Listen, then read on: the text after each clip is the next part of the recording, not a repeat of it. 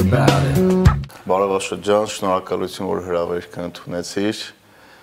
Ոնց է գործերը, ոնց է հարմարվում այս պայմաններում։ Բարև Նարեկ ջան, մերսի հրավերի համար։ Ես հարմարվում եմ իմ ընկերների հարմարվելով, որովհետև այս этаպում հանրային սննդի մեջ ինվեստիցիայի փուլի մեջ էինք, մենք դեռ չենք հասցրել բացվենք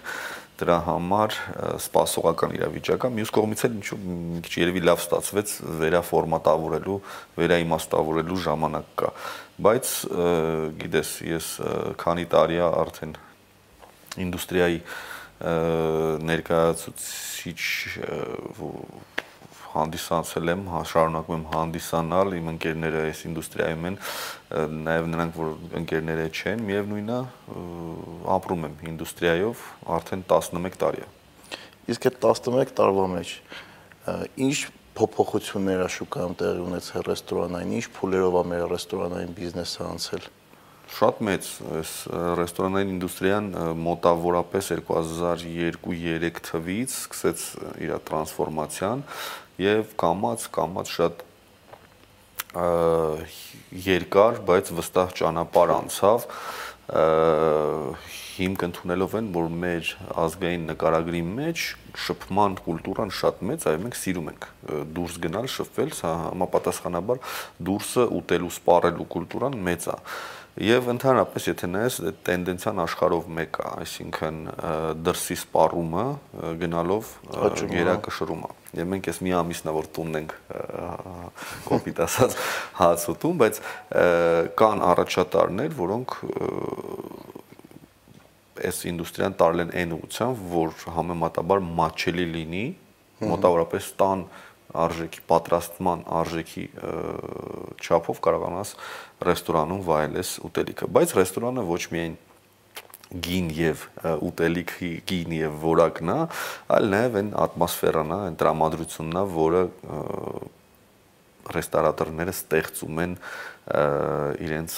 օբյեկտներում եւ հենց սրանով է որ ռեստորատորը տարբերվում է մնացած բիզնեսից, ստեղ կա ստեղծագործական մաս ու ռեստորանային ինդուստրիայում ռեստորատորները իմ համար գլոբալ երկու մասի են բաժանվում։ Այն ռեստորատորները, որոնք վաճառում են էմոցիա եւ վաճառում են ատմոսֆերա, այստեղ ուտելիքը երկրորդական անգնում, հա, որովհետեւ դու վաճառում ես քո վայրը, ոչ թե քո ուտելիքը, ուտելիքը գալիս է դրան համադրելու եւ ռեստորատորներ, որոնք mainstream-ի մեջ են, այսինքն որոնք աշխատում են այն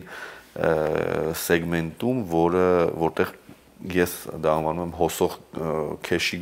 քեշի հոսող գետ։ Այսինքն նրանք հարմարվում են այդ քեշի գետին։ Շուկան ոնց գնաց, հա, իրանք Նայեք, շուկան ոչ թե ոչ միայն շուկան ոնց գնաց, այլ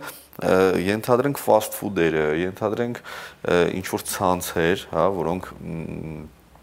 ինչ որ մի բանի շուրջ են։ Սրանք ավելի շատ ոչ թե ռեստորաններ են իրենց դասական իմաստով, այլ սրանք ես համեմատում եմ իրենց նրանք լավ կազմակերպված ադմինիստրատիվ բիզնեսներ են։ Այսինքն, եթե դու առնում ես ինչ-որ մի ֆրանշիզա, այստեղ քո մտքի փայլատակումները ոչ մեկին չեն հետաքրքրում։ Դու առնում ես կոնկրետ կոնկրետ գործողությունների շարադրում, որը դու պետքա անես, որպեսզի քո բիզնեսը հաջողի։ Ենթադրենք դու գնում ես ինչ-որ պիցայի ֆրանշիզա եւ դա տեղադրում ես քեշի հոսքի գետերում, օրինակ մոլերու ինչ-որ մի լոկացիայում եւ դու հավաքում ես այդ եկող քեշը, այսինքն ստեղ ոչ մի կրեատիվ, ոչ մի ստեղծագործ աշխատանք, ոչ մի ատմոսֆերա դու չես վաճառում։ Այս այս մի բիզնեսի ուղղությունն է, որը դու պետք է լինես լավ ադմինիստրատիվ ղեկավար, լավ ղեկավարես այդ հոսքը, այդ հիմնարկը համաձայն որոշ կանոնների։ Եվ կան բիզնեսմեններ, որոնք անդադար ստեղծում են նոր բաներ։ Օրինակ նոր պրոյեկտներ, նոր նիշաներ։ Ես դրանց անվանում նիշային բիզնեսմեններ, այսինքն եթե դու ունակ ես, հասկանաս շուկան, ընկալես նյուանսները պատկերացնես այսօրվա դրությունը եւ վաղը որտեղ է շուկան գնալու, դու կարող ես այդ հոսանքը ղեկավարել։ Այսինքն մենք քաղաքում ունենք մի քանի բիզնեսմեն, ովքեր տեսնում են նիշաներ եւ իրենց բիզնեսը տեղավորում են այդ նիշաների մեջ։ Այսինքն իրանք ոչ թե օգտվում են այդ քեշի հոսքից, որոնք կան մոլեզում, այլ ստեղծում են նոր ուղություն։ Սրանք են իրականում այդ ոլորտը, մեր ոլորտը զարգացնողները, այսինքն դու տեսնում ես մի քո մտքում տեսնում ես, կառուցում ես մի հետաքրքիր պրոյեկտ, հետաքրքիր նիշայում դա տեղավորում, տեսնում ես այդ նիշան տեղավորում եւ մարդիկ մարդկանց դա գրավում է։ Եվ դու ստեղծում ես նոր առաջարկ։ Դու այսինքն դու ոչ թե տեղավորվում ես գոյություն ունեցող պիցայի, շաուրմայի, խորովածի առաջարկի մեջ, այլ դու ստեղծում ես քո նոր առաջարկը։ Իսկ ինչ որ կանոններ կան, որ օրինակ եթե դու նոր ես փորձում մտնես այս ոլորտը, ինչ քայլեր կարող ես անես, որ քո պրոյեկտը ստացվի, որովհետև շատ անգամ մենք քաղաքում տեսել ենք տենց նոր շատ սիրուն կաֆե է, շատ լավ սարքած, ոնց որ այն աուրան է կա մեջը, բայց մարդիկ չեն գնում։ Ու չի ստացվում, մի տարուց փակվում է։ Բայց տեսնում ես իր կողքը ինչ որ падոններով սարքած կաֆե է, որը շատ լավ է աշխատում։ Եք ես միշտ ասում եմ մի դիզայներների հետ երբ որ աշխատում եմ, ես ստեղծել եմ, ես ղեկավարել եմ 12 պրոյեկտ, որից ստեղծել եմ կեսից ավելին, հա։ Դիզայների հետ երբ որ աշխատում ես, եթե դու ռեստորատոր ես, եթե դու նիշան զգում ես եւ կարողանում ես տեղավորել քո մտքի պատկերը ֆիզիկական կաղապարի մեջ դու պետքա դիզայներին մի խնդիր դնես ստանալ ռուսերեն ասեմ ույուտ այդ ամենաբարդ խնդիրն է ատմոսֆերան քո ստեղծելիքն է ույուտը պետքա դիզայները ստանա եւ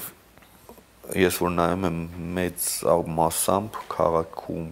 ստեղծվող նոր պրոյեկտները իրենք հայերեն ոնց է ույուտը հարմարավետություն։ Նու հարմարավետությունը մի քիչ չի արտահայտում այդ բարի ամբողջական իմաստը։ Ո՞ւմ ես կհասկանում ու բոլորն են հասկանում։ Ույուտնի չի։ Ահա։ Այսինքն եթե դու մտար, դու քեզ պետքա ույուտնի զգաս։ Ու այդ ամեն ինչը անելու համար համադրություն է դասավորվածության։ Այսինքն 0-ից անհնար է դու մի քանի հատ պետք է սխալվես, մի քանի սխալ պետք է անես, ռուսեն ասած նաբիջ շիշկի մինչև մի քանի տեղ գլուխը չես խփում չես հասկանում էլի այսինքն առաջի հայացքից դժվար է պատկերացնել տվյալ տարածքը որը վարձով տալիս են ինչքանով է համապատասխանում մի, մի քանի կրիտերիային նայեք ես միշտ ասում եմ որ սպասարկումը երկրորդային է շատերը ասում են ну դասագրքային են էլի մոտենում սպասարկում հաճախորդը կլիենտ всегда прав չկա տենց բան քո օբյեկտում դու ես պայմաններ թելադրողը։ Երբ որ գալիս է քո հաճախորդը, նա պիտի ընդունի քո պայմանները։ Դու ստեղծում ես իր համար ույուտնի վայր, որտեղ ինքը ժամանակա անցկացնելու եւ սպառելու է ինչ որ մի ապրանք։ Կլինի դա բար, ռեստորանային, թե այլ զվարճանքի վայր է սա, հա, սա սպարման վայր է, բայց քո պայմաններով է ինքը գալիս այդտեղ։ Այսինքն չի կարող ինքը անվերապահ ճիշտ լինի։ Ոչ, եթե չի կարելի ինչ որ վարկագից ցուցաբերել, ապա չի կարելի, եթե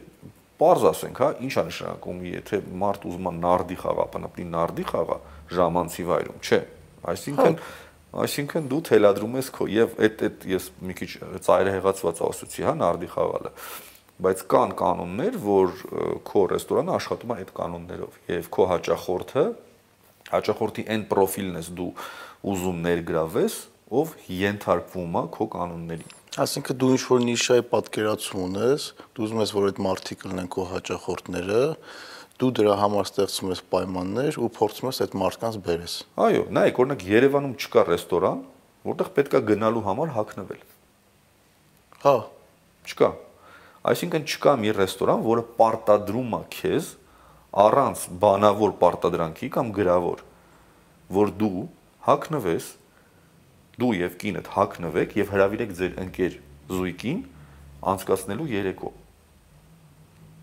Բայց black tie Հա։ Այսինքն սահմանափակումները իրանց առավելություններ ունեն իհարկե սա սահմանափակում եթե եթե օրինակ նայեք շատ խիստ պակաս կա ես երկար մտածում եի օրինակ չկա նմանատիպ ռեստորան որտեղ դու հրավիրես ինչ որ մի բարձրաստիճան հյուրի անձնական երեկո անցկացնելու, ոչ պաշտոնական։ Ահա։ Սա նիշա է, հա? Այդ նիշան պարտադրում է քեզ լինել լավ հակնված, որովհետև դու գալու ես մի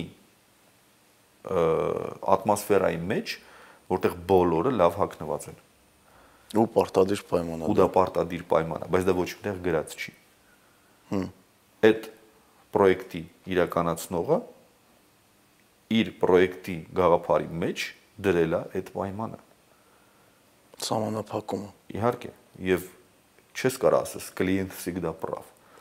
այս պայմանում դու ենթարկվում ես այդ ռեստորանի օրենքներին։ Չէ, իրական, եթե հա համաձայն եմ, լրիվ համաձայն եմ, որովհետև եթե ինչ որ ռեստորան կամ ժամանցի վարեղներ, որտեղ ամեն ինչ կարելի է, դու ոնց ուզես կարաս գնաս, ինչ ուզես կարաս պատվիրես, ասենք հաճախորդի մար դրախտա, չէ, ինքը ինչ ուզի կարա անի։ Բայց այդպես տեղեր մարդիկ չեն գնում։ Իհարկե չեն գնա որովհետև բարդ է։ Չես ուզենա գնաս։ Եվ նա քեզ ինչ որ սահմանափակումներ չեն դնում։ Սպասարկման դերի մասին եմ ուզում խոսամ։ Տարածված կարծիք կա, որ սպասարկումը անպայման պիտի լավը լինի։ Ես ես միանշանակ հավատացնում, չկա տենց բան։ Սպասարկումը կարա լինի այնպեսին, ինչպեսին թելադրում է այդ ռեստորանի ֆորմատը։ Հա։ Կա ռեստորաններ, որտեղ դու ուզում ես մատուցողը քո հետ շատ ընկերական լինի Իսկ այն ռեստորանում, որտեղ ես անվանեցի, հա, այդ նիշայի մեջ, որտեղ օրինակ պրոտոկոլնի ռեստորան, հա, ասենք, եթե եթե կա պրոտոկոլ, ապա ռեստորանի մենեջմենտը պարտավոր է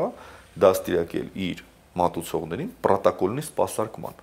որ կողմից մոտենալ, սա հասանակ երկրորդական է, ոչ թե անկյունակարը դրած է սպասարկումը, այլ անկյունակարում դրած է այն սպասարկումը, որը այդ ֆորմատին համապատասխանում է կան ռեստորաններ, որտեղ քո մատուցողը այո, պետք է մի քիչ փնթի լինի, հա, բերեց, դրեց սեղանիդ գնաց, դու դրանից չնեղվեցիր, աչքերիդ չնայեց։ Գարեջուրը կամ ինչ որ մի բանը։ Ահա բայց տեղ կա որ դու նեղվում ես որ դու անձնական սպասարկում չունես, անձնական մոտեցում չունես։ Այսինքն սպասարկումը միշտ երկրորդային է։ Այստեղ է մենք կառուցեցինք հա այդ հա գլոբալ պատկերը թե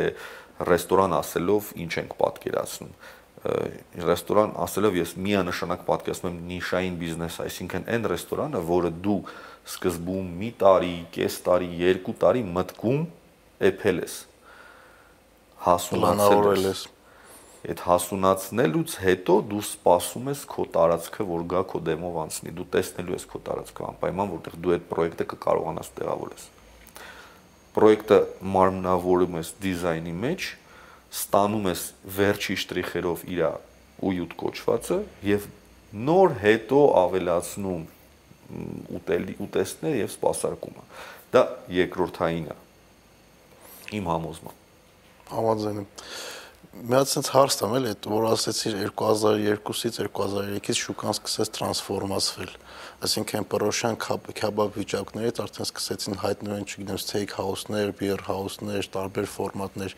ինչն էր պատճառը որ այդ զարկը տրվեց ինդուստրիայի փոփոխության Մենք մենք Հայաստանից միշտ մի համոզմունք ունեմ որ Հայաստանը աշխարհի մի մաս է եւ ինչ որ բան եթե կատարվում է գլոբալ շուկայում վաղ թե ուշ գալու է Հայաստան Ես այդպես արեցի իմ առաջին պրոյեկտը, որը սուշի էր, ճապոնական խոհանոց էր եւ բոլորը ասում էին սուշի բացել չի կարելի, որովհետեւ սուշին չի աշխատում Հայաստանում։ Իսկ ես ասում եմ ոչ մեկ չի բացել դեռ այն սուշի բարը, որը կաշխատեր Հայաստանում։ Հայտնի պատմություն կա, որ ամերիկացի բիզնեսմեն կա, որը կոշիկի արտադրություն ունի եւ երկու բարադի ընկեր ունի։ Մի բարադի ընկերոջը կանչում ասում է դու միևնույնն է ոչ մի բան չես անում։ Արի գնա Աֆրիկա, ես ամբողջ աշխարհում շուկա ունեմ, Աֆրիկայում չունեմ։ Իմ կոշիկները կվաճառես։ Սա թռնում է, հրավեր ընդունում է, թռնում է Աֆրիկա, իջնում է սամալյոտից, տեսնում է սա բոբիկ են։ Զանգում անգերոջը ասում է եղբայր, ես ուր ես ինձ ուղարկես, տես սա բոբիկ են։ Ես ո՞նց եմ ստեղ մի զույգ կոշիկ ծախելու։ Ու սա ասում է լավ, եթե հիասթափվեցիր գտնում ես չես կարա հետ արի երկրորդ ընկերոջն ա ուղարկում, երկրորդ ընկերը իջնում է ինքնաթիռից, նայում է սաղ բոբիկ են, զանգում անկերոջը ասում է արագ մի քանի կոնտեյներ կոշիկ ուղարկի, ստեղ բոլորը բոբիկ են։ Այսինքն նայես դու շուկան ոնց ես տեսնում։ Հա, միանշանակ չկա այդպիսի բան։ Լավ, ասենք հիմա նայեք շատ գեր զարգացած շուկաներում, օրինակ եթե նայենք Մոսկվան, նա Մոսկվան ինքը գաստրոնոմիկ շատ լավ զարգացած հետաքրքիր շուկա է, հա, եւ մի քիչ էլ գեր զարգացած է, որովհետեւ կան ռեստորաններ, որտեղ դու կարաս, ասենք, բառացիորեն ամեն ինչ փորձես։ Բայց այս կրիզիսը ցույց տվեց, որ դրա սպառումը շատ ծայրահեղ է։ Այսինքն դու եթե հա, ну փոքր չի, ինքը ինքը նագրանի է, ինքը շատ վտանգավոր բանի եզրին է, հա, խաղում այսինքն դու կարաս ըմբոշխնես աշխարհի ցանկացած կետից ցանկացած բան, արդեն այստեղ գինը դառնում է երկրորդային, դարել էր երկրորդային, հա։ Եվ այդ պրոյեկտները մի քիչ փողի փողի եւ շուկայի գերզարգացվածության գերգեներացման արդյունքներ են ստեղ այս հակառակ անկյունն է, հա, հակառակ ծայրն է, երբ որ կա ամեն ինչ։ Հա բայց հետ գալով նիշեն զարգացումը ոնց է լինում ամբողջ աշխարհում ինչ որ մի բան զարգանում է ինչ որ մի ուղությամբ նայեք գնալով դրսում սպառումը գերակայելու է մարդիկ դուրսն են սպառում եւ այս տենդենցիան արդեն 20 քանի տարի 30 տարի կա որովհետեւ ավելի շատ են աշխատում հա մենք ուղակի նայեք եթե հիշեք մեր մանկությունը մենք տանն էինք տանն էինք ուտում հա Հետո կամած կամած սկսեցինք ուսանողական տարիներից սկսեցինք դուրսը սպառել, արդեն համապատասխան այն եկամտի, որը դու ունես։ Հիմա հոտ-դոգից միջև ստեյք։ Հոտ-դոգից միջև հա թանկ ձկներ է։ Օրինակ իսկ հայաստանյան շուկան արդեն ուներ այն հաջողությունը, որ ուսանողներից սկսած եւ ավարտած բարեկեցիկ կյանք վայելողներով բոլորը կարող էին իրենց թույլ տային երեկոյան անցկացնել ժամանակը ժամանցի վայրերում այսինքն գնային առաջարկները սկսում էին շատ ցածր մակարդակից, որը լավ է, եւ մարդկանց ստիպում էր օրինակ տունը չնստել եւ գնալ սոցիալիզացիայի, գնալ դուրս, շփվել ընկերների հետ, նույնիսկ փոքր բյուջետ իրապետելով։ Սա շատ լավ է, սա շուկան զարգացնում էր եւ սա կառուցվել է քար առ քար։ Եթե հիշեք քաղաքի կենտրոնը 2008-9 թվականին, հա, եւ հիմա դա տարբեր քաղաքներ են Երևանը ամբողջությամբ տարբեր քաղաք է։ Եվ եթե մենք առաջ ունեինք 80-90 ռեստորան, այսօր քաղաքում կա ռեստորան կոչվածը 400-500 ռեստորան։ 400։ Հա։ Ընդհանրապես հանրային սննդի օբյեկտները 2000-ից ավել են, իսկ բուն ռեստորան, որոնց կարելի է կոչել, Այո, դու բարձ երևի TripAdvisor-ով որ նայեք Երևանը ռեստորանները հա։ ինչքան։ Չէ, այդ միանշանակ տրանսֆորմացվել է շուկան, տուրիստներն էլ են շատ ասում, այն հա։ տուրիստները, որ ժամանակ առ ժամանակ հետ են գալիս Հայաստան, նու իրանց աշկին դա ավելի ասենց յարքիա է ռուսերեն ասած։ հա։ Մենք քանի որ ամեն օր ստեղ ենք ապրում, այդ տրանսֆորմացիան կարող է դանդաղ տեղի ունենալ, մենք չենք տեսնում։ Ստոպ կադրում։ Իրանք որ 5 տարի առաջ են եկել ու հիմա են գալիս, միանշանակ ասում են, որ ուտելիքի որակի մեջ այս շուկան այնքան զարգացավ, որ նույնիսկ շատ, ես շատ մարդ գիտեմ, ովքեր հետաքրքրության համար կամ հոբի, ես հոբի բիզնես եմ դառնում, մի հատ մարդկանց շերտ կա, որոնք նայում են շուկան հետաքրքիր է եւ փող են ներդրում այս շուկայում։ Այդ այն պրոյեկտներն են, որոնք լողում են շահութաբերության զրոյական մակարդակի շուրջ։ Այս կրիզիսը դրանց սաղինքը սպանի բնական է, բայց այդ այդ հետաքրքիր էր էլի։ Իրանք ամեն մեկը ինչ որ հաճախորդ էին փախցնում, որովհետև միևնույնն է քաղաքը անծայրածիր չի, туриզմը այդքան շատ զարգացած չէր, որ բոլորին կլաներ, туриզմը միևնույնն է մնացել էր մեր համար հաճելի բոնուս, որովհետև Հայաստանի շուկան ինչ ուզում ես ասա, միևնույնն է խիստ կախված է լոկալ սպառումից։ Վրաստանի շուկան չի, Թիվլիզի շուկան չի, էլի, կամ Բաթումի, եւ ըստեղ հետաքրքիր էր նայել այդ պրոյեկտները ինչ են։ Մարդիկ հետաքրքիր բաներ էին բացում փող էին ներդնում, բայց երբ որ հետները զրուցում ես, իրանք բիզնեսի մաթեմատիկան չեն հասկանում ինչքան էլ ես հետաքրքիր սիրուն բաների մասին պատմում եմ, հա, ույուտ, սպասարկում, պրոտոկոլ եւ այլն եւ այլն, սա ինչքան է սա հետաքրքիր է, միևնույնն է սա բիզնես է, որը ունի իր 4 մաթեմատիկա։ Այո, եւ երբ որ դու փակում ես գնում ես տուն, բացում ես քո համակարգիչը ու մտնում ես Excel, որովհետեւ թվերը այնտեղ են, դու նայում ես 4 թվաբանություն կա, ցանկացած բիզնեսի նման։ Ինքնարժեք, շահութաբերություն, մարժա շատ բիզնեսմեններ անտեսում են սա Նաև կան եզակի հատուկ են բիզնեսմեններ, ովքեր նայում են մնացածի օրինակին եւ իրենց համար հետաքրքիր դասեր են Դե հա, տեսնում են դեռ լիքը օրինակ massայական բիզնեսից տրանսֆորմացնել կամած կամած բիզնեսի միջուղը նիշային բիզնեսի, որովհետեւ երբ որ դու աշխատում ես նիշայում, դու քո մարժինը ավելի մեծ, այսինքն քո շաուտի տեսակարար կշիռը քո շրջանառության մեջ շատ ավելի մեծ է, երբ որ դու massայական բիզնեսի մեջ ես, դու աշխատում ես փոքր, բայց ստաբիլ եւ մեծականակ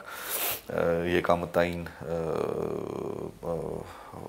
լոգիկայի մեջ։ Իսկ նիշային պրոյեկտը կարա լինի շատ փոքր պրոյեկտ, փոքր շրջանառությամբ, բայց մեծ եկամտաբերությամբ Սա էլ մյուս հետաքրքրությունն է նիշային պրոյեկտների։ Բայց ո՞նց են կարողանում Հայաստան ռեստորանները իրենց եկամտաբերությունը նորմալ պահել, որովհետև եթե համեմատենք նույն հարևան երկրների հետ, Ռուսաստանի հետ, Եվրոպայի հետ, մեր ռեստորանների գները շատ-շատ ավելի անգամ ցածր են, բայց եթե մենք նայենք այն ապրանքները, սուպերմարկետներում ուտելիքի գները համեմատենք Եվրոպայի, Ռուսաստանի կամ Վրաստանի հետ, մեր ինքնարժեքը կարելի ասել նույնն է ուտելիքի մասով, բայց մեր մոտ ռեստորանները շատ ավելի էժան են ու որակով ընդհանրապես չեն զիջում իրանց արտասահմանյան կոնկուրենտներին։ հա։ Ինչի հաշվին է մեր ռեստորանները կարողանում տենց ցածր գներ պահեն։ Ծախսային ստրուկտուրաներ կան, հա, ծախսային ստրուկտուրայի մեջ ինքնարժեքը այսօր մոտավորապես 35%-ի 30-35%-ի շուրջ է տատանվում միջին միջին ինդուստրիայում։ Եթե մենք խոսում ենք ռեստորանից ոչ fast food-ից, fast food-ի մոտ 40-45%-ը ինքնարժեք զուտ նյութածախսը, որը անթույլատրելի է ինքնարժեքը պիտի լինի 25% զուտ նյութածախս, ապրանքային նյութածախս։ Ապրանքային նյութածախսը 25%-ից ավել չպետք է լինի։ Ու կա զալատոյե պրավիլը ռեստորանի մեջ 25% պիտի լինի քո զուտ նյութածախսը։ Ну դա դասագրքային եմ ասում, հա 25% քո աշխատավարձային ֆոնդը,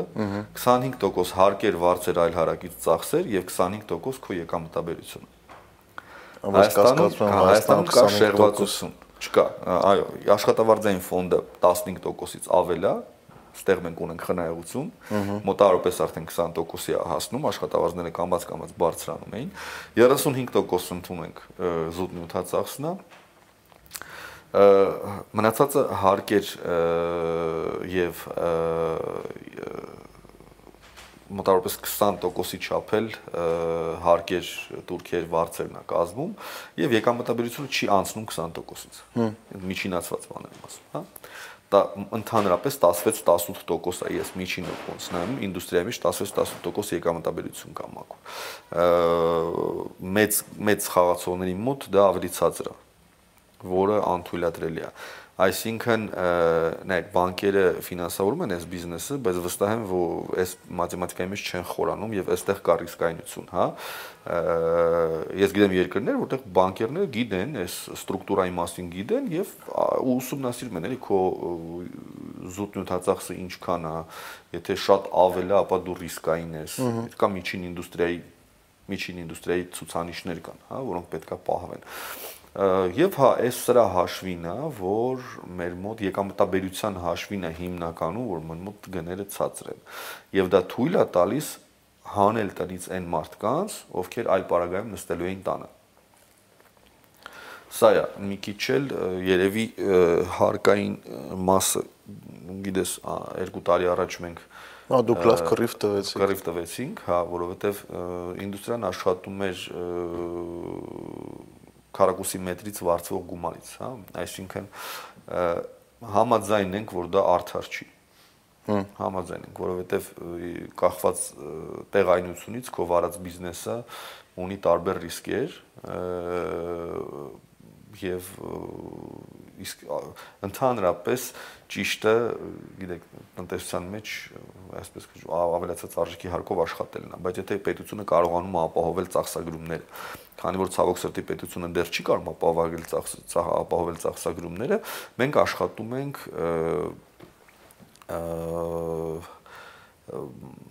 շրջանառության հարկի principով։ Շրջանառության հարկը եկավ փոխարինելու քառակուսի մետրից վարձվող գումարը, որը ազնիվ չէ ու իրական։ ազնիվ չէր եւ նու ազնիվ չէր գիտեք ոնց հնա նու նա ուշ արդեն դարը ապրել էր եւ ինդուստրիան իրոք վերելքը ապրել էր եւ կարար իրեն թույլ տար ը, վճարել իր շրջանառությունից ելնելով։ Ուղղակի ստեղ էլ կան նյուանսներ, որ պետությունը մի ծայրահեղություններ թելադրում, իսկ մենք գտնվում էինք այլ ծայրահեղության մեջ։ Մենք կարողացանք ինչ որ միջինի գալ, որը թույլ տվեց մեզ աշխատել այն տոկոսներով, որը չի բարձրացնի շատ սպա մատուցվող ծառայությունների գները մեր գները մի քիչ աճեցին, իհարկե։ Շատ փոքր ինձ թվում ավելի շատ եկամտաբերության վրա ազդեցություն։ Շատը եկամտաբերության հաշվին, հա, բայց մենք կարողացանք այս этаպում չվախացնել սպառողներին։ Մեր ամբողջ անհանգստությունը դա էր։ Մենք փորձեցինք պետական կառավարիչներին հասցնել այն գաղափարը, որ կտրուկ քայլերը կտրուկ ազդեցություն են ունենալու շուկայի վրա։ ու Մենք սպառման հետ ենք խաղալու, սպառումը ընկնելու է, բոլորը ընկնեն խնդրի մեջ։ Այսօրվա սիտուացիան նայեք, հիմա սպառումը զրոյական է,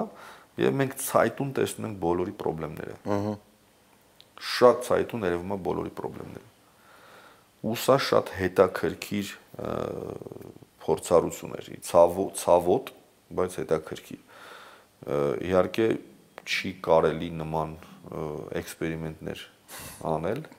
Դե հա բոլորս համար հա։ իրական հա։ ցավոտ է, մենակ ռեստորանային բիզնեսը։ Մենակ ռեստորանը չէ, առաջինը տուրիզմն է, երկրորդը հյուրանոցները, երրորդը ռեստորանները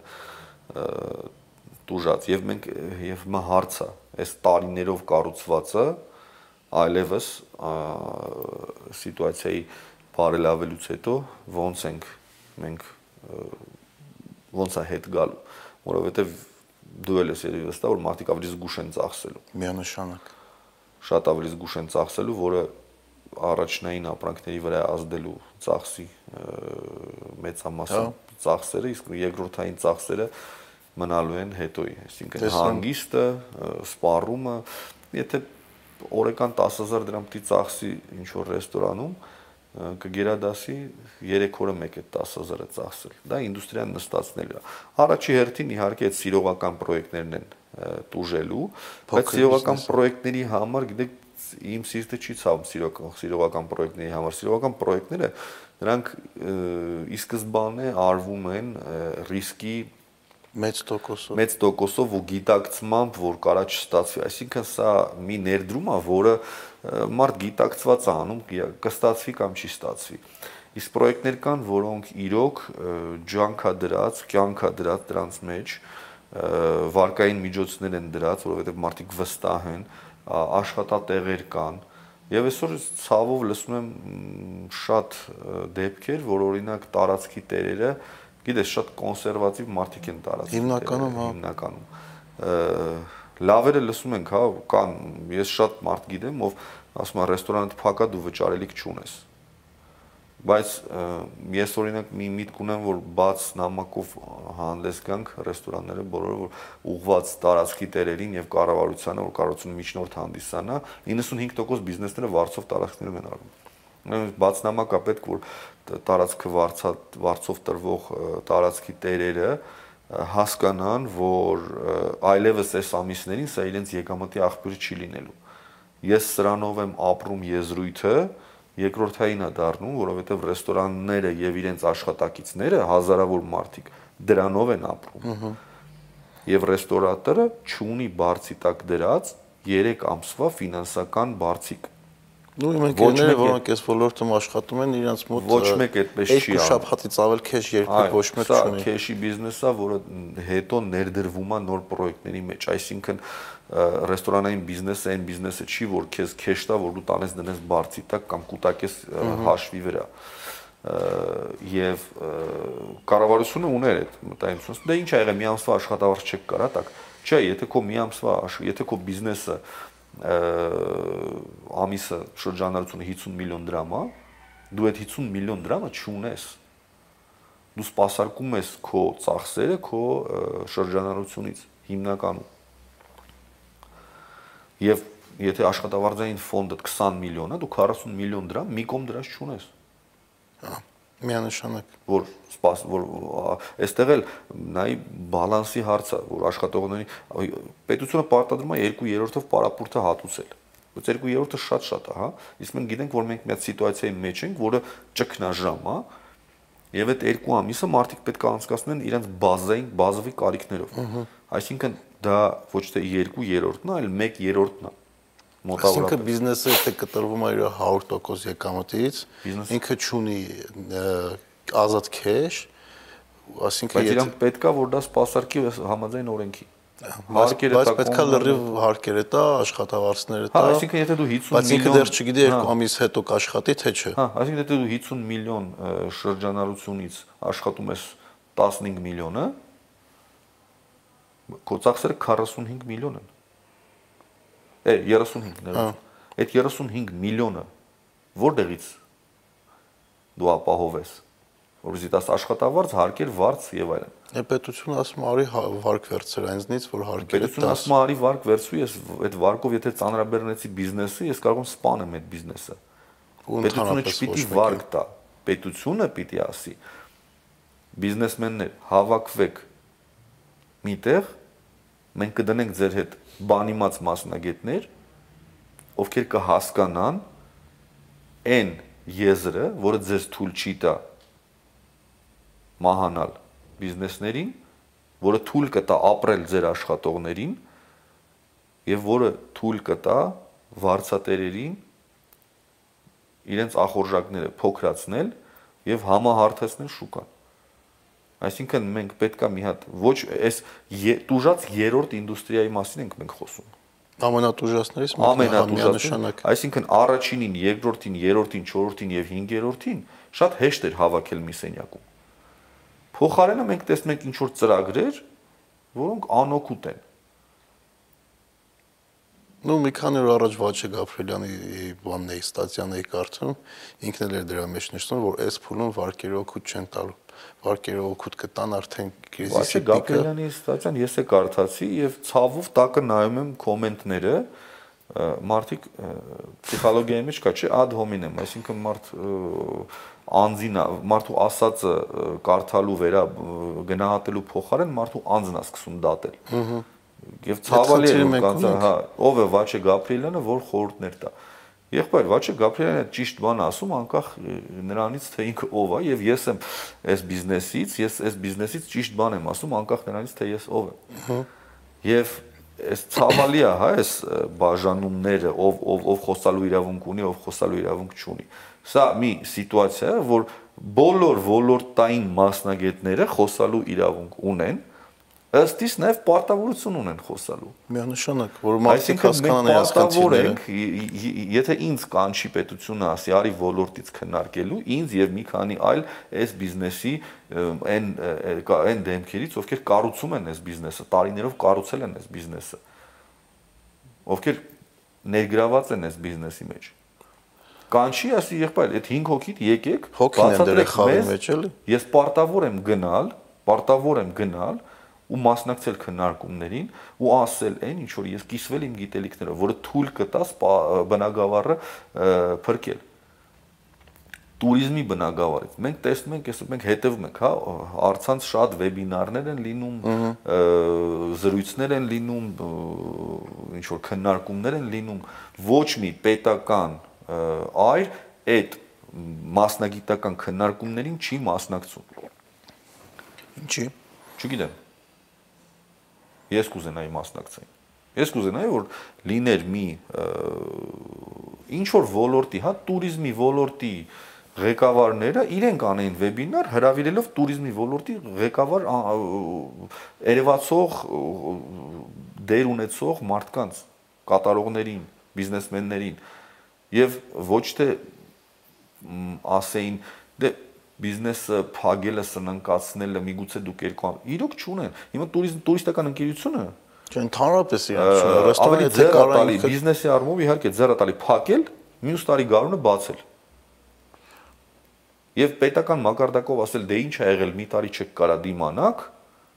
ներողություն։ Մենք իհարկե չենք կարա դիմանալ։ Իսկ հյուրանոցները ինչ անեն։ Փակ պահեն իրենց օբյեկտը մի տարի, իսկ այդ շենքի ապահով մաշվածություն կարելիքը ապահովելը նույնիսկ փակ ժամանակ ծախսա։ Միանշանակ։ Եվ վարչատուներին էլ ես հասկանում եմ, որ կա հարկեր, турքեր տարածքի համար տարածքը պահպանության ծախսեր, որովհետև դու չես կարող անջատես էլեկտրակայանի, չես կարող անջատես կենսական ապահովման միջոցներ։ Շենքը պիտի, տարածքը պիտի ապահովված լինի, հա, որ չտուժի։ Ա եւ դա այն գումարն է, որը պիտի հատուցի ռեստորանը, եթե նա ցանկանում է մնա այդ տարածքում, հատուցի սեփականատիրոջը, բայց սեփականատերը պետք է ունենա խղճի այն չափաբաժինը,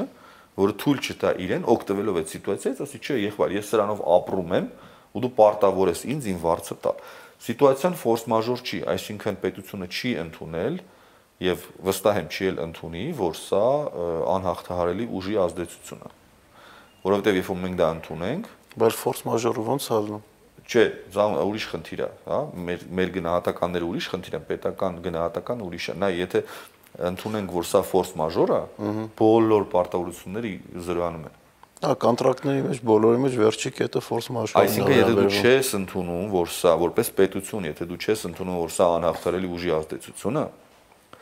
ապա ընդունելով, որ սա միևնույնն է գլոբալ ճգնաժամ է, դու պարտավոր ես պետական պահուստներից ինչ որ գումար հատկացնել մեղմելու համար այս ստեղծված իրավիճակը։ Եվ երեք կարծեմ քննարկումներ կար, թե որ պետությունը հնայի որ չափով աջակցություն անում եւ ցավոք մեր երկիրը դա այդ ցուցանիշով շատ շատ ցածր բաներ։ Ես ասում եմ, այս ծրագրերը ինչքան 300 միլիոն չէ, 300 միլիոն դոլար բոլոր ծրագրերը։ Բոլոր ծրագրերը չեմ կարող ասեմ հիմա, չեմ հիշում ինչ գումարա բոլոր ծրագրերի բանը, բայց օրինակ բիզնեսի համար դա շատ անհասկանալի է, էլի վարկ վերցրու, որ ճգնաժամը ապրես, շնորհակալություն բանկերին չեն գուզում հարստացնենք մեր ստեղծված խնդիրների պատճառով շատ շնորհակալ ենք, բայց ուրիշ ակնկալիքներ ունենք պետությունից։ Պետությունը, ելի եմ ասում, կար կար դիալոգի տեղ, բանակցելու տեղ, խելք-խելքի տալու տեղ եւ հասկանալու համար ամենատուժած բնակավարները ոնց կարելի է խելքի բերել։ Որոնք են туриզմը, հոթելները, туриզմը, հյուրանոցները, սպասարկման ոլորտը, այո։ Իսկ առաքումները չի փրկում ինչ որ առումով ռեստորանները։ Առաքումները չի կարա փրկի ռեստորանին։ Նայ, առաքումները աշխատում են ում մոտ։ Այն մարդկանց մոտ, ովքեր գովազդված են, ովքեր համբավ ունեն։ Ահա այսինքն այլ հավասար պայմաններում դու անհայտ ռեստորանից չես պատվիրելու ինչքան է գովազդը քո դեմը գա։ Հա, միանշանակ։ Եվ այդ առաքումները վստահ եմ, որ եկամուտ չեն ապահովում։ Իրենք լավ են այն առումով, որ թույլ են տալի գոնե ապահովել ինչ որ զբաղվածություն, ինչ որ վարձ վճարել վարձատիրոջը, աշխատողներին աշխատավարձ տալ ինչ որ չափով, որ չընկնեն շատ անապահով վիճակի մեջ։ Այսօր շատ աշխատողներ գիտեմ, որ դիմում են այդ ծրագրերին ինչ որ սահմանափակումներ կան այդ ծրագրերի համար։ Մարդը տուժած է, մարդուն պետք չի գործից հանել, որ մարդը գնա պետական այդ նպաստը ստանա։ Այսինքն բոլորը բոլոր աշխատողները գրանցված են։ Մենք գիտենք այդ աշխատողներին անուն առանուն։ Այդ աշխատողներին ուղակի պետք էր անվանական միատար միագումար օգնություն տրամադրել մինիմալ զամբյուղի չափով։ Պարզից լավ որոշում չկա բոլորին։ Իհարկե։ Տուժել են բոլորը։ Տուրիզմում, հյուրանոցային ինդուստրիայում, սպասարկման հասարակական սննդի ոլորտում կա, ենթադրենք 150 հազար հոգի եւ բոլորը տուժած են։ Հմ Բայց sense իդեալ է մեզ վերջերս լսել, հա դե ռեստորաններն են, մեկը կփակվի, տեղը մյուսը կբացվի։ Տեղը մյուսը կբացվի, որ տրակի, որ բանից օգտվելու, հա, այդ պահանջարկից օգտվի։ Եթե պահանջարկը իջնում է, տեղը ո՞րն է բացվելու Asian fast food-եր էլի երևի դե այդ տրանսֆորմացիայի խնդիր է, ոչ թե նորը բացվելու խնդիր է։ Հա, իհարկե շուկան երբ որ զարգանա, բայց դա սենց արագ չի ստացվում։ Ահա Ասենք շատ-շատ մարդիկ գործեր կգործ գործը կկորցնեն այդ ընթացքում։ Մինչև տրանսֆորմացիան տեղի ունենա։ Կախված է իր այդ ստացածից ամսվա։ Ինքը ճունի խնայողություններ։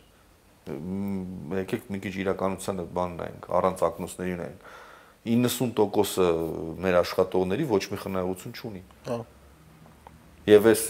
սպարման այս տենդը ստիպում է նրանց բոլորը ունենան սմարթֆոն։ Այս Facebook-ի խնդրեմը ինչի՞ց է։ մենք առաջ ինչի չգիտեինք այդ մարդկանց, որովհետեւ իրենք սմարթֆոն չունեին ու ամեն օր չէին հասկացնում Facebook-ում։ Հա? Պրոբլեմա չէ, ամեն ինչ-որ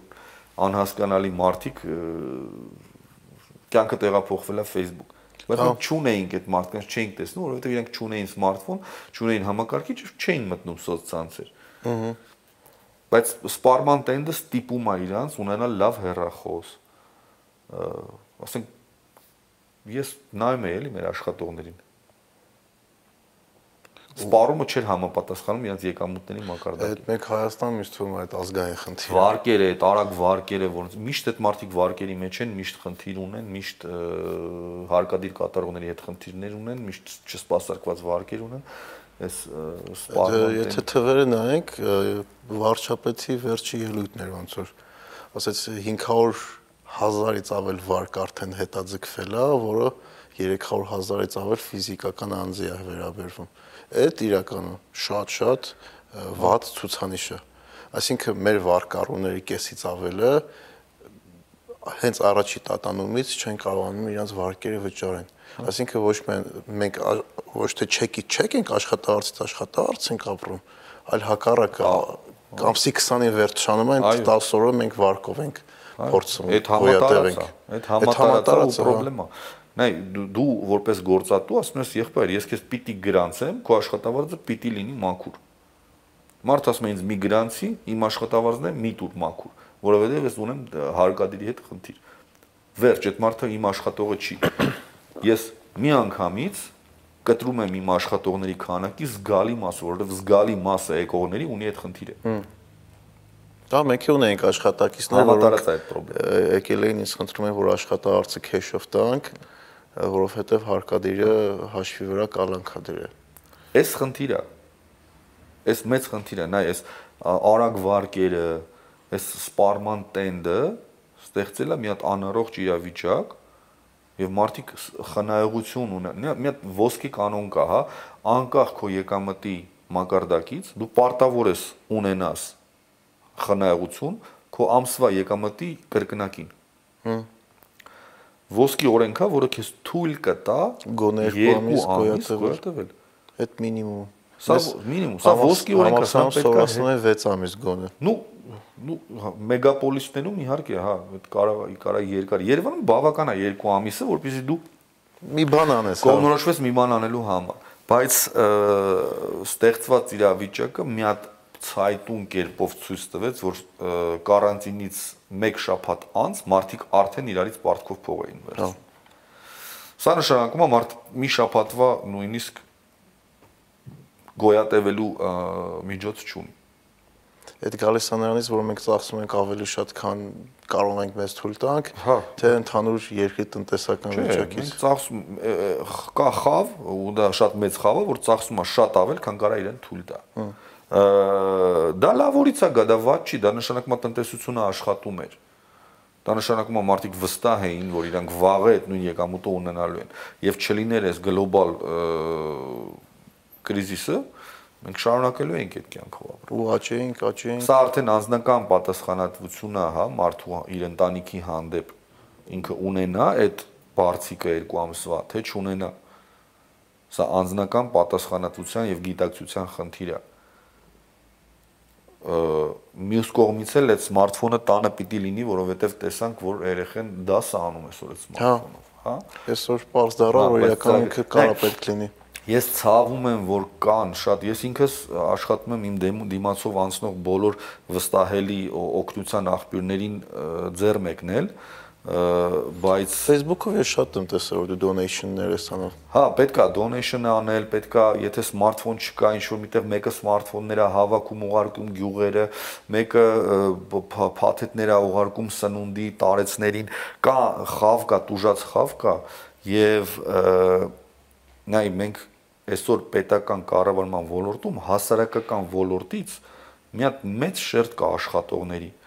ու ինձ հետաքրքիր է ուր են իրանք Իրանք տարիներով պնդում էին, որ իրանք այդ հասարակական կարիքներն են, այդ տուժածների եւ կարիքավորների բանին են կանգնած, հա։ Ուր են իրանք։ ՀԿ-ների մասին ՀԿ-ները, հա, բազում ՀԿ-ները, որ կային, այդ որ ուր են։ ինչի չեն իրանք տարեցներին օգնում։ Ես մի քանի անուն չտամ, բայց մատերի վրա հաշված կներ կան, որոնք տարեցներին փաթեթ են անում, տուժածներին դա որոշակի ինվալիդություն ունեցող երեխեքի ընտանիքներին են օգնում խիստ ծայրահեղ կարիքի մեջ ընկածներին,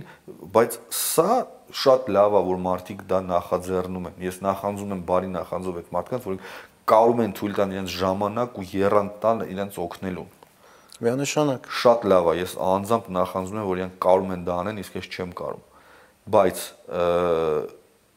իր այրանց ձեռքը պետքա բռնել։ Իսկ օգնենք։ Իհարկե, այսօր պետքա իրանց ձեռքը բռնել անկախ նրանից թե ինչ սիտուացիա, որովհետև միշտ կան ավելի կարիքավոր մարդիկ, որոնք եզրին են գտնվում։ Եվ պետությունը այս իմ նշած համահարթ օգնությունը տրամադրելով գոնե մի ամսով, երկու ամսով այս խնդիրը թեթևացներ չի կարելի թույլ տալ մի հատ եզր կա որ չի կարելի թույլ տալ այդ քրիտիկական մասը անցնի երբ որ ամբողջ խնայողությունները սպառվեն մեծ քանակով մասաների մոտ ես զգուշ կլինեի այդ պահից մի մի քրիտիկական կետ կա որը չի կարելի թույլ տալ հասնելու բայց մյուս կողմից եթե բոլորը սկսենք խնայենք ու իրականում դա արդեն բոլորը սկսել են կանենք էկոնոմիկայի աճը կտրուկ կանգնելու է արդեն կանգնած արդեն կանգնել է, որովհետեւ տնտեսության աճի համար պետք է որ մարդիկ անընդհատ ծախսեն։ Դե նայ, սա սպարման տնտեսությունն է եւ ֆինանսա մենք կապիտալիզմից անցել ենք ֆինանսովի կապիտալիզմի։ Ֆինանսական կապիտալիզմը դա սպարման հասարակությունն է։ Հա։ Քեզ ամեն աղբյուրից կոչա անում սպառելու։ Եվ այդ նայ 20 տարի, 30 տարի հետ գնա, հա ամեն մեկը ուներ մի ձմեռային արտաքին հագուստ ու ինքը իրան համեմատում էր հարևանի հետ ոչ թե Facebook-ով ինչ որ աստղի հետ այսօրվա սպարման հասարակությունը մեզ ստիպում մենք ունենանք առանձին սենյակներ որտեղ մեր շորերն են ինձ թվում է այդ ամենը բանից է social media-ից է գալի նո սա սպարման հասարակությունն է որտեղ մարդիկ ցույց են տալի իրանք ինչքան լավ են ապրում ու բոլորը ձգտում են որ տենց ապրեն ասինքն առաջ եթե դու քեզ համեմատում ես մենակ քո հարևանի հետ քո այդ փոքր շրջանակի հետ դու այսօր տենում ես աշխարհը ինչ որ մի ուրիշ կետում քո նման քո տարիքի մարդը ինչքան շատ ավելի լավ ապրում ու դու ձգտում ես ապրես իր նման բայց դու դրա հնարավորությունները չունես ու չես ապրում նույն միջավայրում այսինքն ես ես օրինակ ինչ որ օրինակ ես չեմ կարող համեմատեմ ինձ նույն տարիքի ինչ որ մարդու հետ որ ծնվել է կամ կանադայում կամ ինչ որ շատ ավելի հարուստ երկրում, որտեղ հնարավորությունները ավելի մեծ է։ Դու պետքա գիտակցաբար վերաբերես այդ հարցին։ Դու մի վտանգ կա, այդտեղ հարաբերականը հետ Կանադա-Ամերիկա ասածը հարաբերականը։ Դու ավելի հարուստ երկիր, որտեղ հնարավորությունները ավելի շատ են։ Էլի հարաբերականը, հա, նայ քո ծախսերը կախված է քո եկամտից։ Եվ եթե քեզ ստիպում է համակարգը ծախսել ավելի շատ, քան դու ունես, ցանկանալ շատ ավելի շատ, քան դու կարանաս ունենաս, ստեղ այստեղ է գալիս այդ վտանգը, որ այո, մարդ գնում է, վարկա վերցնում կա ու ինչ որ միտեղ վարկի վարկայի վարկային կազմակերպությունն ու բանկերներն էլ ավելի թույլ են նայում քո վարկունակությանը, քան իրանք պիտի նայեն եւ ստեղծվում է դա կոչվում է փուլ։ Մենք ապագա ծախսերը քաշում ենք այսօրվա վրա։ Այսինքն եթե մենք այդ ապագա ծախսերը քաշել ենք այսօրվա վրա, ապագայում ինչ-որ վակուում է, չէ, տեղի ունեցել։ Եթե դու քո արտադրողականությունը չբարձրացնես, իսկ մեր մոտ արտադրողականության բարձրացնելու խնդիր կա։ Նա, եթե ու եթե տնտեսությունը հետա հետագա աճը չունի, այստեղից գոյանում են մեծ պարտքեր։ Ամենամեծ պարտքատերն է գիտենք, որ որ երկիրն է, որ տնտեսությունը։ ԱՄՆ-ն։ Այո, տրիլիոններ են այսօր տպվում, բայց այդ պարտքի փուչիկը չի վերանում։ Այսինքն կապիտալիզմը մի հասարակական տնտեսական համակարգ է, որը ունի մի թերություն։ Նա parberabar հիվանդանում է։ Եվ parberabar հիվանդությունները կոչվում են տնտեսական ճգնաժամեր։ Ու ու շատ լավ կետ ասեցիր, բանը ես վերջերս պետք է ես վերջերս որ նայեք չի առաջ օրը վերջացրեցի Jim Collins-ի Great by Choice գիրքն էի կարդում։ Այդ գրքի մեջ ինքը այդ նույն գաղափարը ասում էր, որ կրիզիսները, խնդիրները, այդ ամեն ինչը այս ընթացքում մենք հասկացել ենք, որ ինքը parberabar լինում է։ Այդ անընդհատ լինում է։ Եթե ինքը անընդհատ լինում է, մենք պետք է դրան պատրաստվենք։ Այսինքն դու քու սախ քեշը լրիվ չօգտագործես կամ քո բիզնեսի լրիվ քեշը ինվեստիցիա չանես, դու պետք է բուֆերը ունենաս, որովհետև այս ընթացքը մի բան մենք հաստատ տեսել ենք, որ անընդհատ կրիզիսը կրկնվում է։ Եթե ինքը անընդհատ կրկնվում է, խիչ ենք մենք պատրաստվում քիչ են այդ ամեն ինչը դպրոցներում սովորացնում, համալսարաններում սովորացնում, ինչ որ ծրագրեր անում, որ մարդկանց բացատրեն, որ Այդ նա էլի այդ այդ եղելա 20-ականներին, 30-ականներին, 50-ականներին, 70-ականներին, 80-ականներին, 90-ականներին, 2000-ականներին, չգիտեմ, peak bubble-ը, բան ինտերնետ bubble-ը տրակեց 2008-ը, հետո 2013-ի խնդիրներ, հիմա էլ այսօր։ Այսինքն անընդհատ ինքը մեծ կապիտալիզացիա ունեցող, ոչ մի բան չունեցող կամպանիաների մեծությունը նայ բանի մասին է խոսքը օրինակ Uber, Airbnb, իրանք սերվիս կամպանիաներ են, իրանք իրաց բիզնես մոդելը լրիվ ուրիշ է։ Բայց համաձայնեմ որ գերագնահատած էլի ինչ որ փուչիկներ կան տնտեսության մեջ, որոնք պայթելուց ցավացնելու են ամբողջ աշխարհին։ Airbnb օրինակ եթե նայենք 3 առաջ որ իրանց valuation-ը ընկա, որովհետև այս կրիզիսի պատճառով իրանք ներգրավեցին նոր կապիտալ ու թանկ կապիտալ, որ կարողանան այս ամեն ինչին դիմագրավեն, դիմանան այս ամեն ինչին։ Բայց ստարտափներ կան, որ մեկը աճում են այս ընթացքում ստարտափներ կան շատ տխուր վիճակում են հայտնվել բայց հա շատ տնտեսագետների գնահատմամբ այդ ոլորտը գերագնահատված է որտեվ եթե դու ունես կոպիտ ասած գնահատում քո ապարոտի 40 անգամ այդ նորմալ չի նո բնական ասենք եթե Apple-ը տարեկան սպասումները քեզանից շատ ավելի շատ են քան դու կաս հա այդ այդ ասինքն ապագան գերագնահատված է Օրինակ Warren Buffett-ն ասում, ասում է, ես խի չեմ բանան, խի է սխալ կներ Warren Buffett-ը չէ, Ray Dalio-ն Waterbridge-ի պոպուլյարնի ստոքեր առնելու իմաստը չկա, որովհետև պոպուլյարնի ստոքի մեջ այդ պոպուլյարության գինը դու վճարում ես արդեն։ Այսինքն եթե բոլորը առնում են Amazon, Amazon-ը ինքը գերագնահատված է, նո պայմանական Amazon էլի վերցնենք, որովհետև իր պոպուլյարնիստը արդեն դու դրա համար վճարում ես։ Հա, բայց այն չբացահայտված տաղանդների մեջ է կա ռիսկը Միանշանակ, օրինակ, եթե Harvard-ի մի հատ պրոֆեսոր կար, ինքը Ճապոնիայի մոդելը համեմատում էր Ամերիկայի մոդելի մեջ։ Ճապոնիայի մոդելը ոնց է, երբ որ դու գումար ես աշխատում, ավել քեշ ունես, այդ իրանք այդ գումարի մեծամասնությունը ինվեստիցիան անում էֆեկտիվությունը, efficiency-ն բարձրացնելու համար Ամերիկայում այդ գումարի մած շատ լավ կտոր, գնում է venture capital-ներին կամ այն բաներին, ահավոր ռիսկ angel investor-ներ ու տենց այդ ոլորտը շատ ավելի զարգացած է։ հա։ Այսինքն Ամերիկայում շատ մարդիկ ու շատ բիզնեսներ պատրաստ են ինվեստիցիանը շատ ռիսկային բիզնեսների մեջ։ Ու այդ ռիսկային բիզնեսներից որոշ մասը մի օր կրակում է ու կրակումը շատ ավելի շատ քան էֆեկտիվությունը։ Հաշելի հաշվարկա։ Հա։ Դե նայ, եթե դու մաթեմատիկ էլ չես, բիզնեսում դու պարտավոր ես դառնաս մաթեմատիկ, որոշ իմաստով։ Միանշանակ։ Եթե դու չես կարա չտիրապետես անալիտիկայի ու գնաս բիզնեսի մեջ։ Հա, այն այն երբ դու կարաս թվաբանությունից վատ լնես, թվեր չհիշես, բայց թիվ հասկանալու պարտավորություն ունես բիզնեսի մեջ։ Միանշանակ այդ այդ դրա մասին Կարենի հետ էլ էինք խոսում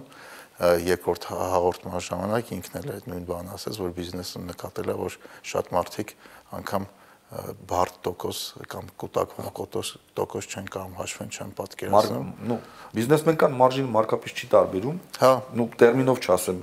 բացատրությունով էլ չի տար։ Ցավալի է որ շատ բիզնեսմեններ կան, նայ, շատ հետաքրքիր մի этаպում ենք ապրում, որ ես իրանց անվանում եմ վաուչերնի բիզնեսմեններ։ Մենք 90-ականներին ունեինք մի մեծ բանակ վաուչերնի բիզնեսմենների, ովքեր տնորեններից, ցեղավիկներից շուստրի լինելու իրանց բնական շուստրությունը, որ բիզնեսմեն սկսեցին առաջի բիզնեսմեններին անվանել բիզնեսմեն, դրա պատճառով իրենք ունեցան արտադրական ակտիվներ եւ այլն եւ եւ այս բիզնեսմեններից ով չի հասցրել դաստիարակել ընտանեկան բիզնեսը վարող կրթված երիտնորդներ, սերունդ Այն բիզնեսմենները սկսում են բարբերաբար զանգել. Քեզ, քո ընկերներին, ովքեր իրենք են, հա, իրենց կայացրել բիզնեսի մեջ կամ կարիերայի մեջ շատ հետաքրքիր է նայել, որ իրենք ոնց են այդ բիզնեսը կառուցել պահում, բայց արդեն գիտակցություն կա, որ իրենք պիտի հասկանան իրենց բիզնեսը ավելի խորը։ Ու այստեղ սկսում են պահանջված դառնալ այն տղաներն ու աղջիկները, ովքեր անալիտիկա գիտեն,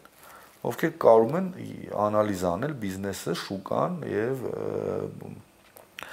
ով դա չհասկացավ, վաղը կորցնելու է։ Միանշանակ։ Բայց հետաքրքիր տենդենսի մասին խոսացի, որը ես էլ եմ նկատել, որ վաուչերներով հարստացած բիզնեսմենների 90-ականներին ոչ միայն Հայաստան, սաղ պոստսովետսկի ռեգիոնի խնդիրն է։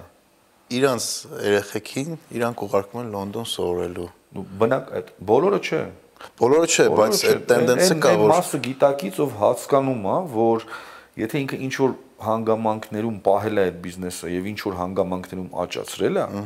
որովհետեւ համաձայնվի, երբ որ շուկան աճում է, հեշտ չէ իրաց համար, դա պետքա